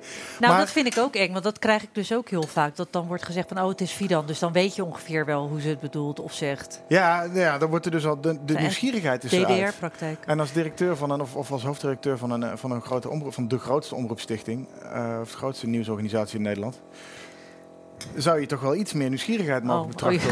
oh. Excuus. Iets meer vragen mogen stellen over waarom Ja, je vind ik dit... ook. En, en dat het vervolgens wordt... Want eh, hij, hij serveerde het in één alineaatje af. Ja, dat komt van geen stel, hoeven niet serieus te nemen. Maar hij, hij, hij verslikte zich volgens mij in hoeveel... met name vrouwen van een eh, Nederlandse allochtone afkomst... zich daar echt kwaad over maakten. Ik zag jou Nou, erover en ja. Elif Isitman. En Ja. ja, goed, ik ga ze nu niet allemaal uit mijn mouw schudden. Maar het waren mensen die normaal... ook mensen die normaal gesproken niet snel iets van geen stijl zullen delen. Laat staan dat ze ons überhaupt leuk vinden. Die waren er allemaal behoorlijk boos over. Van, zit ik hier nou alleen maar omdat ik... Bellen ze alleen omdat ik een vrouw ben? Nou, ik Of- moet of- zo je zeggen, het was al meer dan... Ja, ik, eh, ik, dacht, ik dacht nog, van, ben ik, nou, ben ik hier nou verdrietig over of zo? Bij mij was het echt, echt emotie, meer dan boosheid. Dat ik echt dacht, godverdomme, ik ben niet zo ver gekomen. En, en, en inderdaad, je strepen verdient om vervolgens een- ehm, i- eigenlijk verdacht gemaakt te worden. Kijk, dat zal misschien bij mij dan iets minder gebeuren, omdat je al wat langer in het vak zit. Ik heb behoorlijk wat beginnende collega's met Turks-Marokkaanse achtergrond die zeggen van ja, wat je hier nu nog meer door gaat krijgen is dat je denkt, ben ik aangenomen vanwege mijn achtergrond of om wat ik kan? En anderen zullen dat ook denken. Maar eh, heb je dat serieus ook gedacht? Nee, in mijn geval not necessarily, maar wel dat ik dacht, Dat er wel ergens een, bij dat, in dit progressieve mediawereldje zo'n onderliggende stroom is Maar die een ik beetje... zal je nog sterker vertellen. Ik denk, ehm, ja, heb je dat gedacht? Het gaat hem. Ik denk dat het belangrijker is misschien ook om te denken. Het speelt echt wel mee. Dat, ik, ik krijg echt wel kansen vanwege mijn achtergrond. Dat weet je. Alleen je kan je vinger er niet op leggen. Je weet het niet zeker. Ja, dus wanneer ja. je dat soort berichten leest, waarin dan staat. ehm, nou ja, met de he- echt eh, Word je letterlijk tot een soort- kleinerend heel erg. Hè? Ja, was het heel ja, ja, Er minachtend stond van een zinnetje ergens tussen van... we hebben eentje... goed- Knap dat je een... die vlot spreekt in een mannenwereld eens. een, een vrouw van buitenlandse afkomst hebt Ja. gevonden... die ook nog vlot spreekt en Ja. er leuk uitziet. Maar- Oh, alsof een belediging Maar is dat. mensen, die, Ja. ja. mensen die Oh. dat niet hadden gelezen, die hadden het steeds over. Ja, maar de intentie is toch goed? En dacht ik, nee. Voor mij ging het om die mail. Die mail bevestigde voor mij. Je kan ehm, zoveel goede intenties hebben. En je kan zo geleerd hebben van ehm, ehm, hoe je een journalist moet zijn in zo'n tijd met, hè, eh, eh, eh, hoe zeg je dat? Groeiende multiculturele, of hoe noem je dat? Etnische Ja, samenleving. of, meer diverse. meer diversiteit. Eh, Inclusief. maar als je dat schrijft en dat goedkeurt, dan, dan heb je er gewoon echt helemaal niks van begrepen. Het is, en dat raakte mij Ja, emotioneel. je- ja. En, en ergens dacht ik echt wel in de back of my mind. Natuurlijk is dat ook. eh, we- natuurlijk speelt dat mee. Dat, ik, ik denk dat dat nu ook ergens misschien wel mee. Sorry, heb ik toch weer iets gezegd? Nou ja, maar, ja, mijn, eigen, mijn eigen vrouw zegt dat ook wel eens. Die is tegen vrouwenquota. En niet omdat ze niet wil dat vrouwen niet op een goede posities komen. Maar omdat ze gewoon niet gevoel. het gevoel wil hebben dat Ja. ben ik nou gekozen omdat ik iets kan of omdat ik titel heb. Dat is gewoon nou geen ja, niet zo het is lekker net gevoel. zo. Maar terwijl zij natuurlijk echt wel vertrouwt op wat ze kan. Ik twijfel geen seconde over wat ik kan. En ik geloof dat ik word gevraagd om mijn kwaliteiten, maar het speelt mee. ik ben Het zou naïef zijn om te denk denken dat dat niet zo is. En helaas. Andersom, andersom, want er wordt nogal eens natuurlijk dat mannen eh, elkaar intact houden. En dat zal misschien in sommige bedrijfstakken ook wel zo zijn. Maar ik, heb, ik hoor eigenlijk nooit mannen zeggen: wij willen niet dat vrouwen mijn positie, ook mijn positie kunnen krijgen of zo. Dat bestaat eigenlijk helemaal niet. In de, het is een feit dat er mannen in de meeste posities zitten in het bedrijfsleven. En in, in- hoe hoger de verdieping, hoe kleiner het aantal vrouwen. Ja, Maar je hoort eigenlijk nooit die mannen zeggen: ja, maar dan gaan, we gaan hier toch geen vrouw neerzetten. Dat zegt toch niemand nee, meer? precies. Maar vertel mij nou eens, Bart, waarom in al die jaren dat wij bij Geen Stijl zitten, ik maar één keer een vrouw op de redactie heb zitten. Ah, en dat is nou, nou, dat is niet mevrouw waar. Zijn- Hemelrijk. En waarom ik de Nee, eerste ja, vrouw hier Annabel ben. Nanninga, eh, Oh, Kitty Herwijer. eh, we hebben verschillende vrouwen eh, gehad, eh, dames en vrouwen gehad die hier eh, Dat is video's waar, gemaakt hebben. Annabel helemaal vergeten, joh. En op, op niet schrijvende posten hebben ook verschillende vrouwen gewerkt. Ja, op dit moment niet inderdaad, maar die zijn er wel en wel geweest. Dus wie dan? En Wil je een column bij ons? Dat is goed hoor. Oh, oh, oh, ja, nou moet je echt eh, oppassen. Nou, hebben echt- media, nou hebben we een Ik heb, geen datum, ik heb geen datum Nou genoemd. hebben we een Nee, maar nog wel een reactie op eh, dat eh, is het zo'n linkse deugbende? Ja, ja, ja, ja, nee, daar ga sorry. ik toch op reageren. Ik, eh, kijk, de Nieuwe Maan was ook publieke omroep. Eh, NTR. En ehm, ik, ik heb iedereen kunnen uitnodigen die ik wilde uitnodigen. En ik moet je zeggen dat ook bij Op 1... Wij hebben jou nog gebeld op een gegeven moment. ehm, en Geert en Waling, dat zijn mensen die je niet zo heel vaak bij, weet ik, bij. Mar- Margriet of zo zou zien zitten. Nou, daar wordt dan gewoon echt wel enthousiast op gereageerd. Ik had- ja. Eh, dus het is niet dat er een soort lijst bestaat van ehm, no-go area. Alleen soms denk ik dat er misschien een soort blindheid is van... ehm, eh, die, die staan in onze maar, nee, kaartenbak. maar dat is, dat is het, want ik weet nog dat toen FVD opkwam, dat op een gegeven moment, ja, het werd heel, heel snel heel populair. En je zag gewoon in de mainstream media, zag je gewoon echt een soort verbazing en een beetje schrik van waar komt dit vandaan? En dat bewijst dat er Ja. zit niet per se kwaadwillendheid achter of Nee, zo. ik zeg zit- het nee, je. maar Ik begin het is- steeds meer te denken dat het een soort onwetendheid, blindheid, Nou, luiheid Voor mij is het onwetendheid, omdat ik heel vaak van die verhalen hoor. Hè. Dan loop ik in Den Haag en dan gaat Martin Bos me helemaal los op de NPO. En dat genieten, want dat doet Ja. hij op een hele leuke manier. En dat hij zo linkse bent en zo. Dus ik vroeg het me gewoon echt serieus af of Nee, het echt snap zo ik. links Nee, maar daarom wilde ik er ook op reageren. Er Nee. zijn echt wel heel veel collega's. Ik bedoel, eh, Joost eh, Bakker, die zit bij Ja. BNL. Weet je, Er zitten echt wel genoeg mensen die... Wat was het? De red pill? Wou zeggen Red woke, pill. maar die... Oh, dan mag het wel. Ho, ho, ho. Mag Ja, niet zeggen. ja, ja, woke. jij mag het ook noemen, maar Ja, die, maar ik ken- die het wel... Ik, ik ken wel mensen ook bij de NPO die bij de NPO werken en die dan die zelf ook al een beetje zuchtend achter de schermen een beetje zuchtend van pff, het is allemaal wel een beetje dichtgetikt, een beetje heel progressief. Maar dat heel- is niet alleen bij de. Weet, ik zal je zeggen, echt bij NRC, eh, Volkskrant weten we inmiddels al ehm, met die nieuwe hoofdredacteur. Maar Oh, ik, komt ik, eh, hoor. Nou ja, goed, eh, laat, me, laat me daar niet over beginnen. Maar Jawel. het, het, er- je merkt wel heel erg. Vertel, kom maar. je, je merkt wel dat er kampen zijn, bestaan, van mensen die al jarenlang bij de krant werken. Die zeggen, Fidan, je merkt gewoon dat, ehm, dat het, het dat we bijna gestuurd worden, dat weet je soms wel een beetje natuurlijk. Elke krant heeft een own een signature. signatuur, ja. Maar st- steeds meer dat activistisch, wat ik ook in mijn opiniestuk schrijf, dat collega's gaan klagen nadat ik zoiets heb geschreven. Dit is eng. Dit, dit, wordt, dit wordt steeds erger voor mijn gevoel ook. En dat ik dat van collega's hoor die al jarenlang bij een krant zitten, vrij links zijn eigenlijk ook wel. Die schrikken van wat er gebeurt op zo'n redactie. Ik ben nog allemaal aan het uitzoeken, daar noem ik geen naam of whatever. Ik ben aan, Nee, ik moet het echt Oké. allemaal kunnen bewijzen. Maar Ik, ik, het is precies wat ik in Turkije en Rusland ik heb kan gezien hem, toen we die kan hem wel documentaire globaal schetsen. Dat sinds Philip Remarque weg is als hoofddirecteur bij de Volkskrant... is Pieter Klok uit Junct is hoofddirecteur geworden. En die is gewoon echt ouderwets dichtgetikt links. Dogmatisch links. activist. Maar, maar En is, ja, dat, is dat en, erg? En zonder dat, ja, ja, wel als hij, zoals in, bij, in het geval van Pieter Klok, denk ik echt dat daar, daar zit, daar, daar zit een, eh, het houdingje wat je moet hebben, heeft hij. En daaronder zit helemaal niks. maar goed, man, en bij, dat was bij Remark niet zo. En Remark was ook links en progressief. Ik en- vond uh, maar die, Die, die, die, die- daar eh, zat, dat, dat, was, dat is wel een man met inhoud. had En ik wel dat klopt voor echt hoor. niet. Slimme man ook. Kun jij nog het programma Het Zwarte Schaap herinneren? Ja, In de zeker. Dat was ja. een briljant programma. Eh, daar was op een gegeven moment was daar Jan Maat te gast. Ja. En eh, tegenover aan de andere kant, hè, de makke schapen, daar zat, ehm, eh, eh, daar zat Paul Witman. En daar vroeg hij, eh, die had hem geweigerd in zijn programma. Die wilde daar geen aandacht aan geven. Jan Maat zijn verweer was, dat kun je niet maken, je bent NPO. Zijn verweer was, hé, hey, wij zijn VARA, wij zijn gewoon een linkse omroep. Dus nee, er is geen ruimte voor, jou, voor jouw mening bij ons. ik vind het lastig. Want ik Hebben snap daar ja. een beeld van? Of wel- Nee, nee, je sorry. Ik wist niet dat hij hier naartoe ging, maar pas, ik eh. kan iedereen aanraden. Ze staan allemaal op YouTube. Inge Diepman, Heldin en eh, Zwarte Schapen. Emo Ratenband, Maries de Hond zit er een keer in. Maar ook Jan Maat op een gegeven moment. Oké. Maar, dat, en, maar wat vind, je- vind je dat terecht dat hij dus zegt... wij zijn een linkse omroep, dus nee, er is geen ruimte voor... Nee, helemaal niet. Nee, Nee? maar daar hebben we het toch de hele tijd Ja, over. Dat, nee, maar goed, ik ben daar er helemaal niet voor. Ik, eh, ik, kijk, wij hebben ook een hele uitzending bij Nieuw Maan gehad met alleen maar salafisten aan tafel. Die, ja, daar kan je, dat is misschien een beetje. wel de- met jou aan tafel. Ja, ja dat, dat was eh, eh, maar onder de voorwaarden dus. Dat een beetje discussie over wel of geen alcohol aan tafel, omdat je de salaams aan tafel. Volgens dat mij was dat een ding toen bij Paul Witteman Ja. hè, aan tafel. Ja, een maar nijpje dit wilde Ja. ik, dat dit is dus wilde het niveau echt. van het debat in Nederland. Dat we dan daar een week lang ruzie over gaan maken. Oh, of er ja. wel of geen glas, glas bier op tafel Juist, ja, maar ik vind dat je daar nooit in mee, in mee Nee, moet gaan. met Maar in dit geval dacht ik, oké, weet je wel, kom maar. Kom, kom maar zitten. En ik eigenlijk ook een beetje van laat je ware gezicht maar zien. Niet zozeer, ik gun jullie dat podium om daar hè, eh, helemaal leeg te lopen. Maar ook uit nieuwsgierigheid. Dat moet je als journalist toch echt wel blijken. Ik zat daar ook vrij onbevangen, moet ik zeggen.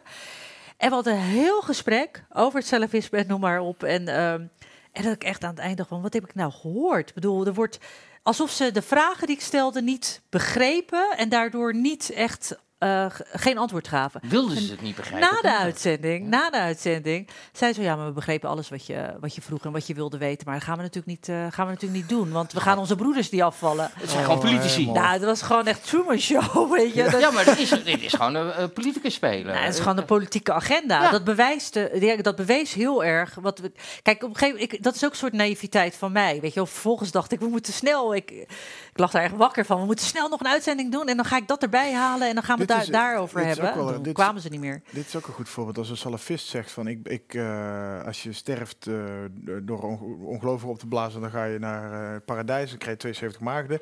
En, en als ze ook gewoon zeggen dat ze dat willen, dan, hoor, dan zul je iemand die links is snel horen zeggen van, ah, maar daar menen ze allemaal niks van. En. Je kan, je mag, als je letterlijk zelf zegt, ik ben salafist en ik wil sterven voor mijn geloof of voor mijn God, dan zeggen linkse mensen, ah, daar meent hij niks van. Terwijl als Thierry Baudet zegt, eh, de elf Minerva spreidt zijn vleugels bij het vallen van de aarde, dan zijn er 34 journalisten drie weken lang alle encyclopedieën aan het afpluizen waar de fascistische verwijzing zit. Ja, wie Die dan- verhouding, Ja. die verhouding, die dan- Minerva was. maar- het, is, het, was een, het was natuurlijk een beetje Ja. een waanzinnige zin. Maar dus dat, als je daar fascisme uit gaat Ja. halen... en, en om, dat zijn dezelfde mensen die geloven een salafist niet... Ja. als hij zegt, ik ga mezelf opblazen voor mijn god. Ah, Ja. Daar meent hij niks van. Meent hij niet Ja, bang maar voor. dat- We gaan, eh, we gaan eh, we- wel heel langzaam, we zijn nog niet klaar, langzaam richting de laatste ronde. Ja. En ik voel mij ook wel een beetje af om even eh, van de hak op de tak te gaan. Want je hebt te maken met ehm, eh, eh, kritiek eh, op Twitter, op Instagram. Wat jij mij vanmiddag stuurde, mag ik dat laten zien? Ah, wat was het ook weer? Wat over, over, Die over. God en drank. over God en drank. Ja, laat maar zien. Nou, laten we heel eventjes zien. Eh, dit is onder andere een van de reacties die jij krijgt eh, van Redouan Zuid. Eh, waarom drink je alcohol, Fidan? Wat heeft God jou aangedaan dat je ziel verkocht aan de Nederlandse media, wetende dat de leven, de leven ook niet eeuwig zou zijn? Is dit nog subtiel omdat je krijgt? Oh, dit is heel subtiel. Ja? Dit vind ik echt eigenlijk zelfs nog aardig. lieflijk? Ja, is is- nog je een vraagteken in. Nou, hij Ja. denkt eigenlijk, eh, ik, ik, ik wil niet dat je brandt straks. ik zag trouwens te eigenlijk behoeden. heel Ja. Ja. hij probeert me te behoeden voor. Maar heel, eh, nee, maar echt bij foto's waar ik drank vasthoud, Mhm. wat, wat stel je me teleur, dan? En dan reageer ik dan, me- meestal blok je dan of zo. En dan, dan, dan, ja, ik vind het bijna, wat is nou het juiste woord daarvoor? Afdoenlijk? Ja, ja, Nee, ook niet. het is meer van dat ik denk, wat, wat eh, zonde voor jou. Het, het hoeft niet zo te zijn. Jij, jij kan ook vrij zijn. En het, het hangt niet allemaal af van een glas wijn. En zo van bijna van ja, het gaat helemaal EO klinken, maar bevrijd jezelf of zo, weet je wel. Maar, Gewoon binnen je eigen ehm, ehm, gevangenis zitten eigenlijk. maar, heb je, maar, maar er zullen ook heftigere dingen gezegd worden. Eh, be- kun je dat blokken inmiddels? Ben Ja, Ja? jawel. Letterlijk en En figuurlijk. van ja. collega, andere, poli of andere eh, media mensen? Nou, ik vind eigenlijk, ehm, nou ja, er zijn wel eens een paar die losgaan online, maar die, nou, die neem ik gewoon niet zo serieus of zo. Maar ik vind het juist heel jammer dat ik soms het gevoel heb dat het, niet soms het gevoel heb, ik weet dat het zo is, dat ehm, men wel van alles vindt, maar het niet zegt. Dat vind ik eigenlijk erger. Ja, of het wordt Ja, tegen iemand Ik heb een anders gezegd. fragmentje gevonden, want we wilden expres niet het fragment eh, van Wilfred Gené eh, en dat gebeuren Ja. uitzenden. Om de dood eenvoudige reden. Dat hebben we vorige week geprobeerd. Toen werden we van YouTube afgeflikkerd. Door een BNN content copyright claim. Ja, dat Oh, zit dat dus automatisch hoor. Twee uur later stonden we er gewoon weer op. Maar We ik- beginnen maar over de ik heb wel cancel een- culture. een Ja. directe, ja precies. Ik heb wel een, eh, een directe eh, eh, collega, nou niet direct, indirecte collega van je, eh, eh, die wel wat over je zei wat niet zo heel aardig was. En dus daar wil ik toch even kort naar kijken. Oh, Instartje, twee alsjeblieft. Wat ik eigenlijk het hoogtepunt van de avond vond, is dat de sidekick van Jeroen Pauw zich niet goed voorbereid had. En die tegen hem zei van, jij nam de vaderrol over hij was de jongste. in het gezin. Dan denk ik, ja, dat zijn foutjes. En ik vond haar helemaal zwak. Ze bakte er helemaal niks was van. niet in vorm gisteravond. Nee, maar ze kan het niveau van, van Pauw niet bijbenen. Hè? Ze was wat En ze, ze, ja. ze straalt helemaal uit dat ze het ook helemaal in de vingers heeft. Maar dat valt wel mee, hè? Nou, of ze dat uitschat, weet ik niet. Ze was gisteren had ze even Nee. een hele slechte Nou avond. moet je Tom Beugelsdijk ook niet mee laten doen met een rondootje bij Barcelona, hoor. Nee, ik bedoel alleen maar dat, dat het niveauverschil. het niveau Pauw en weet je, dit is toch Ja. de, de, de, de, de, de Champions League van de presentatoren natuurlijk. Ja, maar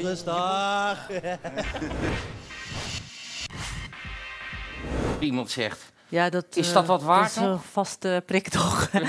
nee, maar dit vind ik echt... eh, I, I can deal with this. Ja? Dit heeft toch niks te maken met intimidatie, uitschelden, bedreigen of Nee, whatever. dit is, dit is waarom Johan Derks eigenlijk een beetje een belegen oud mannetje Ja. is. Dat hij dit, dit een beetje zo... Het, het, het- dit is nou echt een beetje een het vrouwtje betuttelachtige... Maar hij zei ook wel wat meer. En uiteindelijk kwam het er een beetje op neer van... ehm, she can do better. En, en eigenlijk gunt zo iemand het je. Ja, je moet op een gegeven moment ook een beetje doorheen kunnen prikken, Ja, denk ik. Ik denk dat... Volgens mij is dat wel vaker een misverstand bij Johan Derksen. Dat hij, het, hij bedoelt het allemaal niet zo negatief als dat het wordt uitgelegd. Ook over dat hij over er- homo's in de voetballerij zei hij toen ook van... Ah joh, kom gewoon uit de kast. En het, ik weet het, het is een gratuite opmerking. Dat is te makkelijk gezegd. Maar hij bedoelt het eigenlijk Ja. wel van... Jongens, dit is een vrij land. Het Ja. kan gewoon. Dat Nee. bedoelt hij. Hij bedoelt niet van... Wat ben je toch een als je het niet doet. Meer, het is meer een uitnodiging om het wel te doen. Alleen hij formuleert het een beetje ouderwets. Ja, maar los daarvan, hoe hij het bedoelt en hoe men erop reageert... heb je ook niet zoiets van hoe bizar dat... Geldt, geldt ook voor eh, Wilfred Gené, hoe het kan zijn dat iemand dagenlang trending is... terwijl de hele wereld Ja. staat in brand over Maar- George Floyd, weet je wel. Ja, maar dat is een punt wat hier wel regelmatig terugkomt. Is dat als jij je racisme gaat vinden in die opmerking van Johan Derksen, dan valt het hier best nog wel mee. Ja, maar dan ben je ook... een Dan ben je eh, echt aan het zoeken. bedoel- Ja, maar ik geloof ook echt heel erg dat die ehm, activisten die ik echt, die, waarvan ik vind dat ze een politieke agenda hebben, Mhm. eh, dat zij, ehm, zij willen helemaal geen discussie. Die, nee, die willen, joh, die het willen is allemaal strijd. ontregeling. Dat Ja. zag je deze week weer met Aquasi. Er was een, een glazenwasser had in een besloten Facebookgroep voor glazenwassers, bestaat allemaal, Ja. had hij een foto geplaatst van het hu- nieuwe huis in Weesp van Aquasi. Maar dat had hij niet nou, moeten is, doen. nou is bekende Nederlanders, eh, die, die kun je op bekendeburen.nl kun je de meeste adres wel vinden. Maar goed, het, eh, hij, had er ook bij, hij had er een negatieve comment over Aquasi bijgezet. Of in ieder geval gezegd van deze man Je heeft kan die, dit zo'n kan die grote- betalen, half miljoen. ja, Ja, en er waren wat Ja. comments bijgekomen van andere glazenwassers die daar natuurlijk een beetje negatief op deden. Eentje had gezegd, eh, schilder heel het huis zwart. Ja, dat vind ik persoonlijk best grappig. Maar Ja. er stonden ook dingen bij die wat onvriendelijker waren. En, maar Aquasi had dat uit die besloten groep gehaald voor glazenwassers, waar dus verder niemand in zat. En op zijn Instagram gezet en gezegd, ik wil dat je dit ziet. Dat is gewoon een PR-moment aangrijpen. Dat is aansturen op morele verontwaardiging. Ik ben het, die glazenwasser had het niet moeten nee. doen, laat ik duidelijk zijn. Nee, maar aan de Stomme- andere stomme kant is move, ook onzin. Dik Ja. move van die glazenwasser. Maar het is, het is Aquasi die echt die morele verontwaardiging probeert, daar, de, die probeert daar Ja. uit, te- uit te Het is ook putten. gewoon een politicus. Ja, maar dat, dat is het punt wat we überhaupt willen maken. Dat er dus een agenda achter zit die gedreven wordt, op die drijft op morele verontwaardiging. En niet op dat hij iets Ja. wil verbeteren of zo. Die vent heeft het beter dan de most of us. En moreel gelijk. Een hele, hele, Ja. hele rij huizen in Weesp heeft hij. eh, Ja, en als hij zo doorgaat, dan heeft hij binnenkort ook een, eh, een, heer, eh, eh, een pand aan de Herengracht. Ja, hier dat op de Keizersgracht. Want dat wilde heel graag. ja. En wat je. Maar diezelfde discussie speelt natuurlijk ook wanneer het gaat over kritiek op politieke radicale islam. Dat ehm, wanneer jij bijvoorbeeld spreekt over je familie of de gemeenschap waar je zelf uitkomt. En het gaat over de rechten van die vrouwen, van die meisjes bijvoorbeeld, of eh, afvalligen en noem maar op. En de taboes, en eh kan je nog wel even doorgaan. Dan, ehm, en, je, wordt daar vervolgens om verguisd door whatever. Dan gaan die, die groep, die ehm, activisten, collega's soms ook, die normaal gesproken die minderheden of die kleine groep in bescherming nemen, die, komen, die neem je dan niet in bescherming.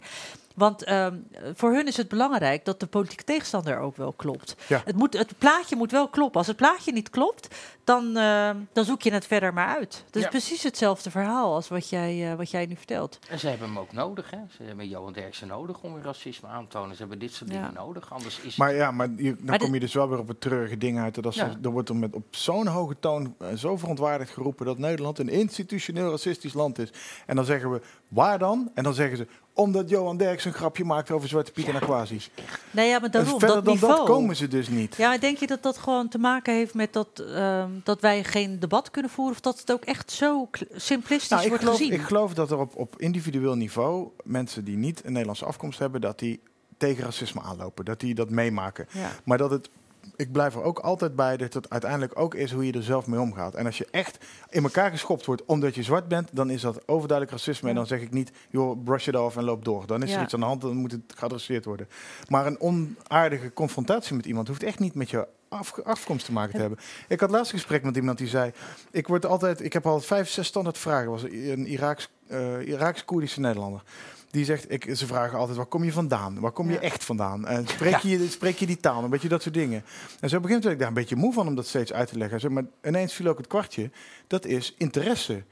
En, Kan me- Ja, als je elkaar niet kent en je komt elkaar voor het eerst tegen... en denk, oh, nou, die heeft een uiterlijk wat niet hier vandaan komt... dan kun je Ja. daar een paar sociale vragen op richten. En als ik eh, iemand hoor met een Utrechts accent, dan vraag ik van... Hey, kom je uit Utrecht? Eh, ben je fan van de club? Of weet ik veel. Je kan, ja, ja. En die zal dan er niet achter denken van... nou, wat een racist. Of Ja, wat, een- wat een precies, eikel ja. of zo. Ja. Dus het is ook een beetje in die eye of the beholder. En dat is de hele Heel tijd erg, met deze ja. discussie aan de hand. Dat ze proberen iets institutioneels aan te tonen... wat eigenlijk alleen op anekdotisch niveau lijkt te bestaan in dit land. Want institutioneel is het er niet. En dan is het ook nog maar net hoe je er per persoon mee omgaat. Er zijn er een paar heel licht geraakt. Ja. En er zijn er heel veel who don't care. Nee. Ja. De Of die het op een andere ja. manier verwerken. Of die in ieder geval niet het omzetten in een rancune tegen Heb je de column van Stefan Sanders gelezen? van Ja, die vond ik heel sterk Vond, vond ik dus ook heel goed. Ja, ik denk ook van Nadia Dat ze- Zerouali laatst. Die Trouwens, was een hele goede. Dat is de beste die ik gelezen heb tot nu beste, toe. juist. Waar staan die Ik ben ik columns? mee Dat Allebei in, de allebei in de Volkskrant. Ja, gelukkig, Oh, geluk- gelukkig zijn de ze er nog. Volkskrant. Ik hoop, nou, Arthur van ook. Ik vraag me af hoe lang die man er nog mag Nadia blijven Ezeroli, zitten. Nadia Ezeroli, die zat een tijd ook een beetje in die... Die hing tegen dat woke SJW aan. En op een gegeven moment was ze daar... Leek bijna, ik, dat, ik zo goed volg ik het niet, maar het leek alsof ze daar van de een op de andere dag een beetje van genezen was.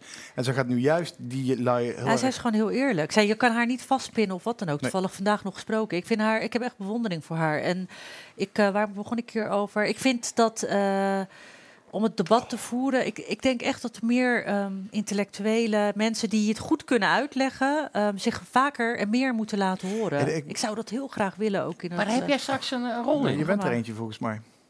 Oh, wat een mooi compliment. Dank je. Ja, maar dat is toch zo? Wat Jij zegt, je zegt wat je ervan vindt en je, gaat, je durft ook iets te zeggen wat... Ja, maar er zijn meer nodig. Omdat over mij Ja, bijvoorbeeld ja, ja, eh, ja. wordt gezegd... Je hebt een, eh, ik heb een tijd, nog niet zo lang geleden met eh um, moslima-feministes... eh, echt drie uur lang met elkaar gezeten om te praten. En dat ik zei van, nee, maar volgens mij hebben we heel veel gemeen. Kunnen we met elkaar optrekken? Want jullie zijn- spreken je toch ook uit tegen eh besnijdenissen, eh uithuwelijkingen en eh, noem maar op. En bottom line was dat ik echt, ik, ik kon er gewoon met mijn hoofd niet bij dat aan het eind werd gezegd van nou, het is wel duidelijk dat wij, eh, niet, eh, dat wij elkaar niet begrijpen. En eh, dat waren drie zinloze, of het meest, hoe zeg je dat? Meest zinloze uren. me- meest zinloze, verspeelde uren Ja, in, mijn leven. En dat ik dacht, hoe kan dit nou? Maar dan ben je toch nooit van plan geweest, geweest om een dialoog met me te maken. En zij zeiden van ja, maar jij baseert alles wat je zegt op eh, ehm, de Koran. En ik haalde Fatima Mernissi er nog aan, bij. Ik zeg, nou, die doet dat ook. Ja, maar ehm, zij, ehm, zij laat dan ook duidelijk zien waar dat dan staat. En dan dacht ik echt, ja, je wil, je wil niet met mij Ja. Nee, Ja, want als je duidelijk aanwijst waar het staat, dan zeggen ze ja, nee, maar dit moet je net iets anders Ja. lezen. Dan verzinnen ze wel weer een andere excuus. Maar dat is een beetje ook, hè, kijk, je, je hebt natuurlijk twee verschillende manieren van debatteren. Je hebt een eh, debatteren in de Tweede Kamer, bijvoorbeeld waar je iemand wil overtuigen van jouw standpunt. Of je debatteert zodat de toehoorder een mening kan vormen. En daar zit wel een verschil in. Nou ja, ik, eh, verschil ik, wat mijn, mijn punt hierbij was eh, dat je. ehm er zijn een aantal mensen waarvan ik vind dat, dat ze echt wat eh, kunnen betekenen in het debat. Maar waarvan ik, ja, helaas ook, misschien ben ik daar een beetje cynisch in geworden. Maar dat ik denk van zijn bijna te besmet of zo Maar om naar te luisteren. Wie, wie wil je, wie noem eens namen? Wie zou je vaker willen horen? Vanuit de gemeenschap. Nou, ik zei eigenlijk mijn punt was, ze zijn er te weinig. Ze zijn er wel. Ik bedoel, eh, je noemde er net al een paar. Ehm, ze zijn er wel. Alleen, het, het kan toch veel meer. Ook bij de Nieuwe Maan kreeg ik heel vaak mails en, en eh, Heeft dat tijd nodig, denk je? berichten van mensen die zeiden: Ik ben zo blij Hmm. ben- dat je dat zegt, maar af- ik durf het niet hardop te Nee, zeggen, want ben- dan kan ik mijn straat niet meer in. Ik ben juist eerder bang dat, het, dat die tijd steeds, het dat, dat raam steeds kleiner Ja, wordt. dat Op dit moment ook, zijn ja. mensen. Want ik, las, ik herlas dus die inleiding van jou eh, van dat essay. eh, hoe lang nog zwijgen? En dat, dat is nog bijna hoopvol van nou jongens. Laten we er eens over gaan hebben. En we Ja. zijn nu vier jaar verder. En het enige wat je. Want je, je had die brief in de Harper's Weekly. of in Harper's Magazine. van, van eh, J.K. Rowling en Chomsky en dergelijke. die zich ook uitspraken tegen. Nou, Chom, ik zag een mailwisseling tussen iemand en Chomsky. die zei ja. En ik heb na deze brief. heb ik echt onwijs veel bijval gehad. van mensen uit de academische wereld. die eh, blij zijn dat het er staat. maar het zelf niet durven zeggen. Hetzelfde gebeurde met Barry Weiss. die, eh, de opinieredactrice van de New York Times. die deze week Ja. ontslag nam. omdat ze intern gewoon door collega's. openlijk voor racist en nazi werd uitgemaakt. en dat de hoofdredactie daar niet op ingreep. En dat ze zei, nou, ik ga wel weg. Dat hij ook zei van, eh, er zijn allemaal collega's die zeggen, Ja. ik ben het met je eens, maar ik durf het zelf niet te zeggen. Ja. En dat eh, zelfs in dus dit soort vrije, wat als vrije beroepen gezien wordt, van journalistiek tot de wetenschap, dat daar mensen gewoon niet hardop durven te zeggen wat ze ergens van vinden. Als je dat dus op zo'n niveau al niet meer kan of durft, als een journalist al niet meer durft te schrijven wat hij, er, wat, wat hij ziet of observeert of kwijt wil, ja. wat moet je dan verwachten van de gewone man in een kantoorkolos waar die aan Ja. een bepaalde corporate image moet voldoen en bij de koffieautomaat liever zijn mond houdt of over Ajax praat omdat hij bang is dat als hij zegt, Ja. hey, ik vond dat Thierry gisteren iets goed zei, dat hij dan eh, op het matje geroepen wordt bij de baas. Maar denk jij dat er gewoon. Mag? Nee, ga je gang. Je- Het is een kroeggesprek. We zitten in een café. Ik heb geen idee hoe lang het is we hier gaan, we gaan langzaam warm. richting de laatste ronde. Maar ik, ik blijf hier zolang het gezellig is. Maar eh, wat denk jij dat er dan moet Oh. gebeuren? Want het klinkt een beetje, eh, ja, echt. Ik heb zo... Doe eens een raampje open, Tom. Oh ja, zo kijken of die kat er nog is. Ik zie jullie ook helemaal smelten daar. Niet de lampen omgooien. Oh, ik pleur een lamp om. Ja, natuurlijk doe je dat. Maar ik ga wel. Jij wou nog wat reageren en dan eh ga ik Nee, één jij vraag. vroeg, jij vroeg- Ja, ik zei dat klinkt eh, heel, eh, ja, ehm, ik ben er best ook. ik ben er- tragisch wel of zo. ja, en ik ben er ook serieus wel een beetje cynisch over. Ja. Dat ik, eh, ik mis het ook een beetje. En ik zie mensen eerder Kijk stoppen uit, met praten dan... ik eh, zie hier heel vlammen. Stoppen met praten, ja? Jongens, we gaan wel langzaam richting de laatste ronde. Bart, heb jij nog één prangende vraag? Ik probeerde een prangend antwoord te formuleren, maar je zit er daarheen te wapperen. Ja, Ja, geef even maar even. Ik ben wel nieuwsgierig naar het antwoord. gaat het toch komen dit, eh, vandaag? Nou ja, ik vind, ik, zie- ik, op dit moment ben ik er heel somber over, want ik zie dat die, en dat zit, voor een deel komt het door al die opgekropte corona-emotie. En iedereen is woedend en iedereen wil allerlei dingen kwijt. En het gaat eigenlijk nergens heen, anders dan alleen maar over en weer verwijten maken. En Ja. dan maak ik mezelf ook schuldig aan, dat, dat wil ik ook wel toegeven. Maar je, je ziet dat het... Ja, hoe eh, zou je het anders willen doen dan? Nou ja, dat mensen moeten zich echt wel vrijer gaan voelen. Daarom heb ik misschien toch een beetje uit de halve wanhoopsdaad een handtekening gezet onder een flutpamfletje. Eh, waar- Oh nee, ze zit na drie bier een flutpamflet. Nou ja, Pamflet. het is- de- het- Puk de- van de de, pamflet. inv- Nee, de ja. inhoud is goed, alleen het heeft geen nut. Dat zei ik aan het begin ook Ja. al. Ja, Je ja. moet het doen en niet zeggen dat je het zal doen als het misschien ooit een keer aan maar de je orde zou komt. daarover, ja. En, het is, Maar en, dat, en ik zie het gewoon. ik allebei zie, al heel Ja, lang? maar d- wij, wij zijn er twee. We- Ja. Er zijn er 17 miljoen in dit land. En ik, je hoort gewoon heel veel volk voorbeelden. Ik heb ook gewoon vrienden die niet in de media of in de wetenschap zitten, gelukkig. Zijn er niet veel overigens, maar die, die, eh, die ook gewoon denken van ja, ja ik, ik heb een, een, een fucking buurman in de straat die zegt ik ben leraar ergens, ik eh, hou liever mijn mond bij de koffiemachine. En, en ik vind het steeds moeilijker om mijn mond te houden. Ja. Maar in plaats van dat hij gaat praten, voelt hij zich alleen maar meer gedwongen om niks te zeggen. Terwijl hij dat steeds Ja. vervelender en moeilijker vindt. Hij zegt niks. Nou zit hij niet op Twitter, maar anders durf ik te wedden dat het een heel boos anoniem Ja. account was. Want dat je het nergens kwijt kan. Ik hoorde een tijd terug eh, Sven Kokkelman met eh, Klaas Dijkhoff bij 1 op 1 was het volgens mij.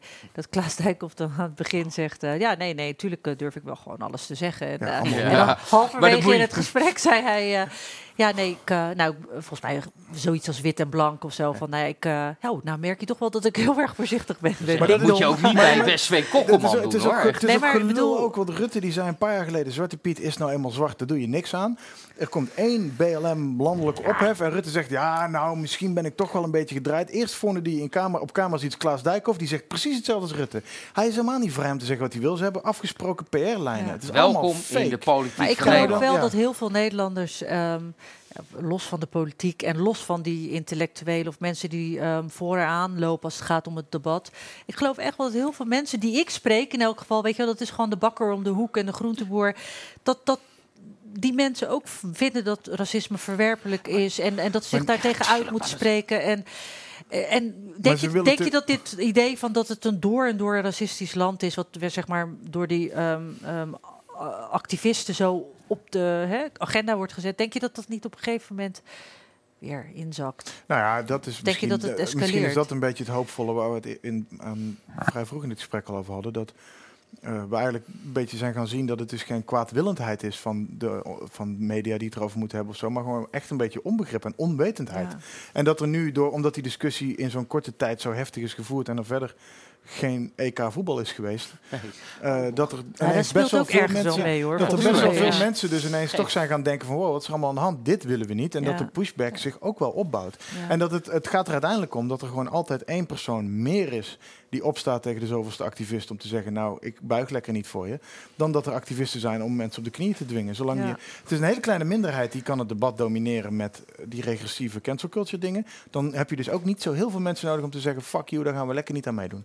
Mooi rond gemaakt. We hebben eh, de laatste ronde. En nu ga ik hem echt doen. Is er nog Wil je meer? nog wat? Of eh, heb je Ik nog smelt. even? Je smelt bijna. hè? Er komen nog drie.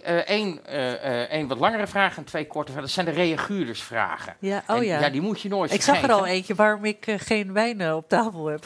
Moet ik wel Eh, ik wel nee, vaker nee, die tafel, nee, want het even, zit even. altijd op een zijtafeltje. Daar wil ik wel even op reageren hoor. Oh, dan gaan we, ja. Nou, pak jij, die had ik er niet uitgehaald. Waarom nou, maar heb dat je heeft geen wijn? puur Waarom- met onhandigheid te maken. Ik, ik, ik Omdat je zo lomp bent? Weet je ik, hoeveel ik, ik heb... Het gaat Het nooit omgevallen. Nou, wij waren Jeroen blij heeft dat we- één draaiboek. Ik heb honderdduizend papieren. Dat ding gaat omvallen. Ik heb, Draaiboek? Hebben wij een draaiboek? Nee, nee, nee, Jeroen, zei Oh, ik. eh, Jeroen. die- die- dus ik, ik ben gewoon, niet nodig, ik ben joh. gewoon een Wij zijn kluts. Dus, eh, Jeroen is ook wel een keer leuk Nou ja, om mochten- neer te zetten trouwens. Oh ja, dat is wel hartstikke leuk. Ah, die is zo leuk. Maar, maar die gaat nooit ergens zitten zelf. Nou, het zou zomaar kunnen zijn dat hij dat... Dat hij eh, binnenkort wat te verkopen heeft. dat- ja. Een boekje of zo. Nee, nee, dat is wel iemand die je kan verrassen wat dat betreft. Drie vragen van onze reaguurders. Reaguurder Redemption. Wat, dit is de enige serieuze vraag ook die ertussen zit. Wat vindt Fidan ervan dat ze haar baan mogelijk aan de dievenbeest te danken heeft? Of weet ze zeker dat ze op basis van haar talent naast Pauw zat? zat? Hè, moet ik erbij zeggen. En stel dat na onderzoek blijkt dat het het eerste is, zal het haar dan aan haar anus oxideren. Dat is eh, eh, moeilijk Nederlands voor aan je reet roesten. Of zou ze gewoon lekker profiteren van dit gekleurd privilege? Of zou ze de eer aan zichzelf houden en de, de NPO een dikke vinger geven? Nou, het is nog multiple choice ook. eh. Nou, het is niet echt heel realistisch. Welk onderzoek dan? Welk onderzoek zou dat dan moeten blijken? Nou, ik, eh, ik, kijk, ik sta gewoon sterk in mijn schoenen. Ik denk dat ik een hele duidelijke drive heb om te doen wat ik doe in mijn werk. Opinies, maar ook... ehm, ik heb nooit echt de ambitie gehad om een talkshow te presenteren. Ik ben hier ook weer een beetje ingerold. Maar ik, eh, ik vind het fijn dat ik daar gewoon ook weer mijn geluid, eh, mijn stem kan laten horen. En, en als ik vind dat ik dat goed doe en iemand zegt ja, maar eigenlijk vanwege je. eh, Een kleur, zeg ik dikke middelvinger. Ja.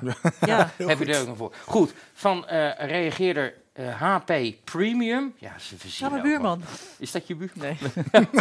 ik geloof Jouw het. oude collega bij. HP. eh. Dat. Ik ben ooit een keer geblokt. Maar toen eh, ging Joris mailen. Toen zei hij, eh, ja, je hebt een ban omdat heel HP een ban heeft. Eh, dat was het. Maar, maar goed, er is veel te veel inzet. HP Premium, aantrekkelijke vrouw, hij heeft het over jou. Was getrouwd met Weird Duck, dat is zijn bijnaam, zeg maar Weird Duck. Die zat hier vorige week. Zo noemen we hem hier in ons. Toch een van de goeie, zeer belangrijke vraag. Natuurlijk, is ze weer on the market, zo gezegd. Ik vraag dit voor een vriend. Ik ben niet die vriend. Maar Oh god. het is een eh, gesloten vraag, ja of nee? Ja, Of is het eh, complicated? ja, misschien wel een beetje complicated. Complicated Je ja. hebt een fuck buddy. Ja, nee, oh god. nou, had ik maar gewoon meteen ja gezegd. Ja, Mogen we dat hier niet zeggen? Maar mag je hier wel zeggen, Ik maar ben een gedraag je hele nou toch eens een keurige... keer. Hele keur gedaan. Goed. Laatste We vraag moeten van... meer intellectuelen in het debat hebben, zegt ze. Ja, ja, en daar hebben we eigenlijk de reaguurders erbij over. Die volgende, volgende week gewoon Laatste een vraag Is het hier. het- Maar dit is wel even waar je even goed over moet nadenken. Hij is van Bra Bolander met EAU. Beste Fidan, u bent in de snackbar en u moet kiezen. Wat zou het worden? 1 frikandel, 2 kroket, 3 kaasvlees, 4 bamischijf. Frikandel. Frikandel? Hoppa. Yes. Oké. Kip, frikandel of varkens? Kip. Heeft iemand ooit geweten wat daarin zit? Nee, dat wil je Ja, echt ik wou niet weten. inderdaad zeggen, hoe weet jij dat er kip of varken? Volgens mij is er nog net geen menselijke... Ja, er zijn halal frikandellen. Ja. Ja, Ja, die zijn best lekker trouwens. Ja, die, ja, joh, op zich Ja. maakt het echt niet uit hoor, wat je erin maalt. Ja, ik eet ook niet echt veel... frituurt. wij, hebben, wij aten thuis geen varkensvlees. Nee, dat, gelukkig maar. Zo is het ongezond. Maar je bent Oh. niet echt heel islamitisch opgevoed, of wel?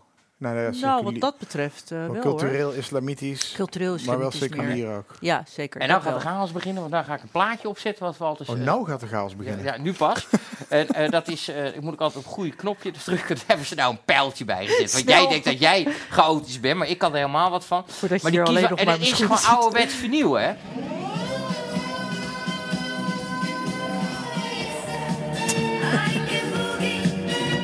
Uit Azerbeidzjan. Dit is Dankjewel. echt een hele Dit is bijzondere. echt lekker. Is dat Ja, deze? nee, dat is niet deze. Deze is nog twintig keer beter. Dit is echt een Grand Cru'tje. Oké. Alsjeblieft. Voor jou. Dankjewel. En altijd voor onze gasten een shirt. En deze past ook wel bij jou. Rasoptimist. Rasoptimist. Ja, heel leuk. Alsjeblieft. Dankjewel. Ik vond het leuk dat je er was. Ja, Ja, leuk, ik leuk ook. om het te zijn. lekker gesprek. Dankjewel. Dankjewel. Je hebt je af en toe een beetje verluld. Dat is fijn. Neem nog een wijntje. Zeg Blijf dat er nou even- niet, dan gaat iedereen terugluisteren. Blijf er even zitten voor de naneuk. Komt helemaal goed. Bartje, dankjewel. Volgende week, dames en heren, zijn we weer terug met chips, nootjes, bier. En Weer om de onderdag, weer om 9 uur. Maar dan met Seniors Deal. Weer een Tot volgende week.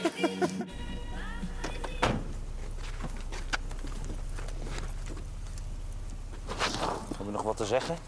Dat? Jongens, kunnen we het niet op een andere... Anders heb ik nog wel wat te zeggen. Stick around. Wat? Nee, niks. Is toch vet? Ja, ja, is van Predator toch? Ja. Dat zegt hij vlak voordat hij hem doodmaakt. Nu niet echt voor toepassing. Nee, in dit geval, in dit geval moet ik het met hem eens zijn, is niet echt, nu werkt het niet. Maar ik moet toch een vette eindje hebben voordat ik...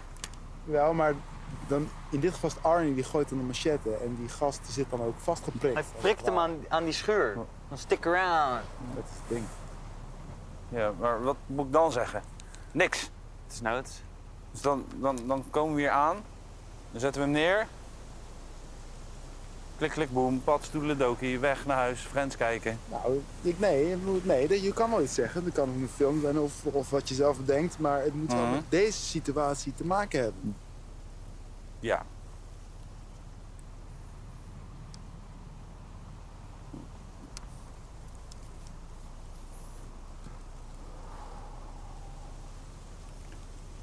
This is Knolstar! Nee. Wat? Nee. Nee, Nee. zo werkt het. Ik heb het nu toch toegepast aan deze situatie? Ja, maar in dit geval is het essentieel dat je... Je hebt dus toch een een put hebt om nodig? Je in hebt die film toch gezien? Ja. Dan gaat het om de manier van de kill. Snap je? Ja.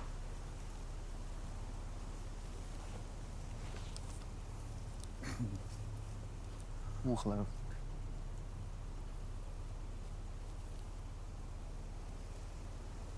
take you to the bank. The blood bank. Wat? Ja, god, Godver. Zo kunnen we niet werken. Eh, Dit is, Stefan, kom op. Wat? Het is toch... Zitten. Kom op. Hier. Say hello to my little friend. Ja, die is goed. You gotta ask yourself one question. Do I feel lucky? Well, do you? Punk? Ja, die Ja, wacht, wacht, wacht. You're fired. Ja. Zie je? Ja, ja, het werkt. Dat werkt. Ja, ja, ja, oké, oké, kom maar. Ja, oké, gaan we Zo zitten? Ja. Oké, oké, dan doe ik die, ja? Nee, dat heb Oh, ik nee, niet dat gaan we niet doen. Oké.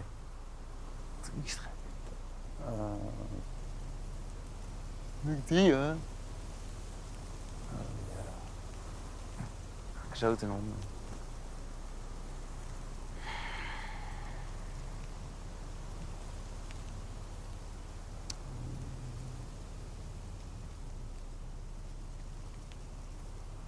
Dead or alive, you're coming with me. Zo, dat is triest. Triest.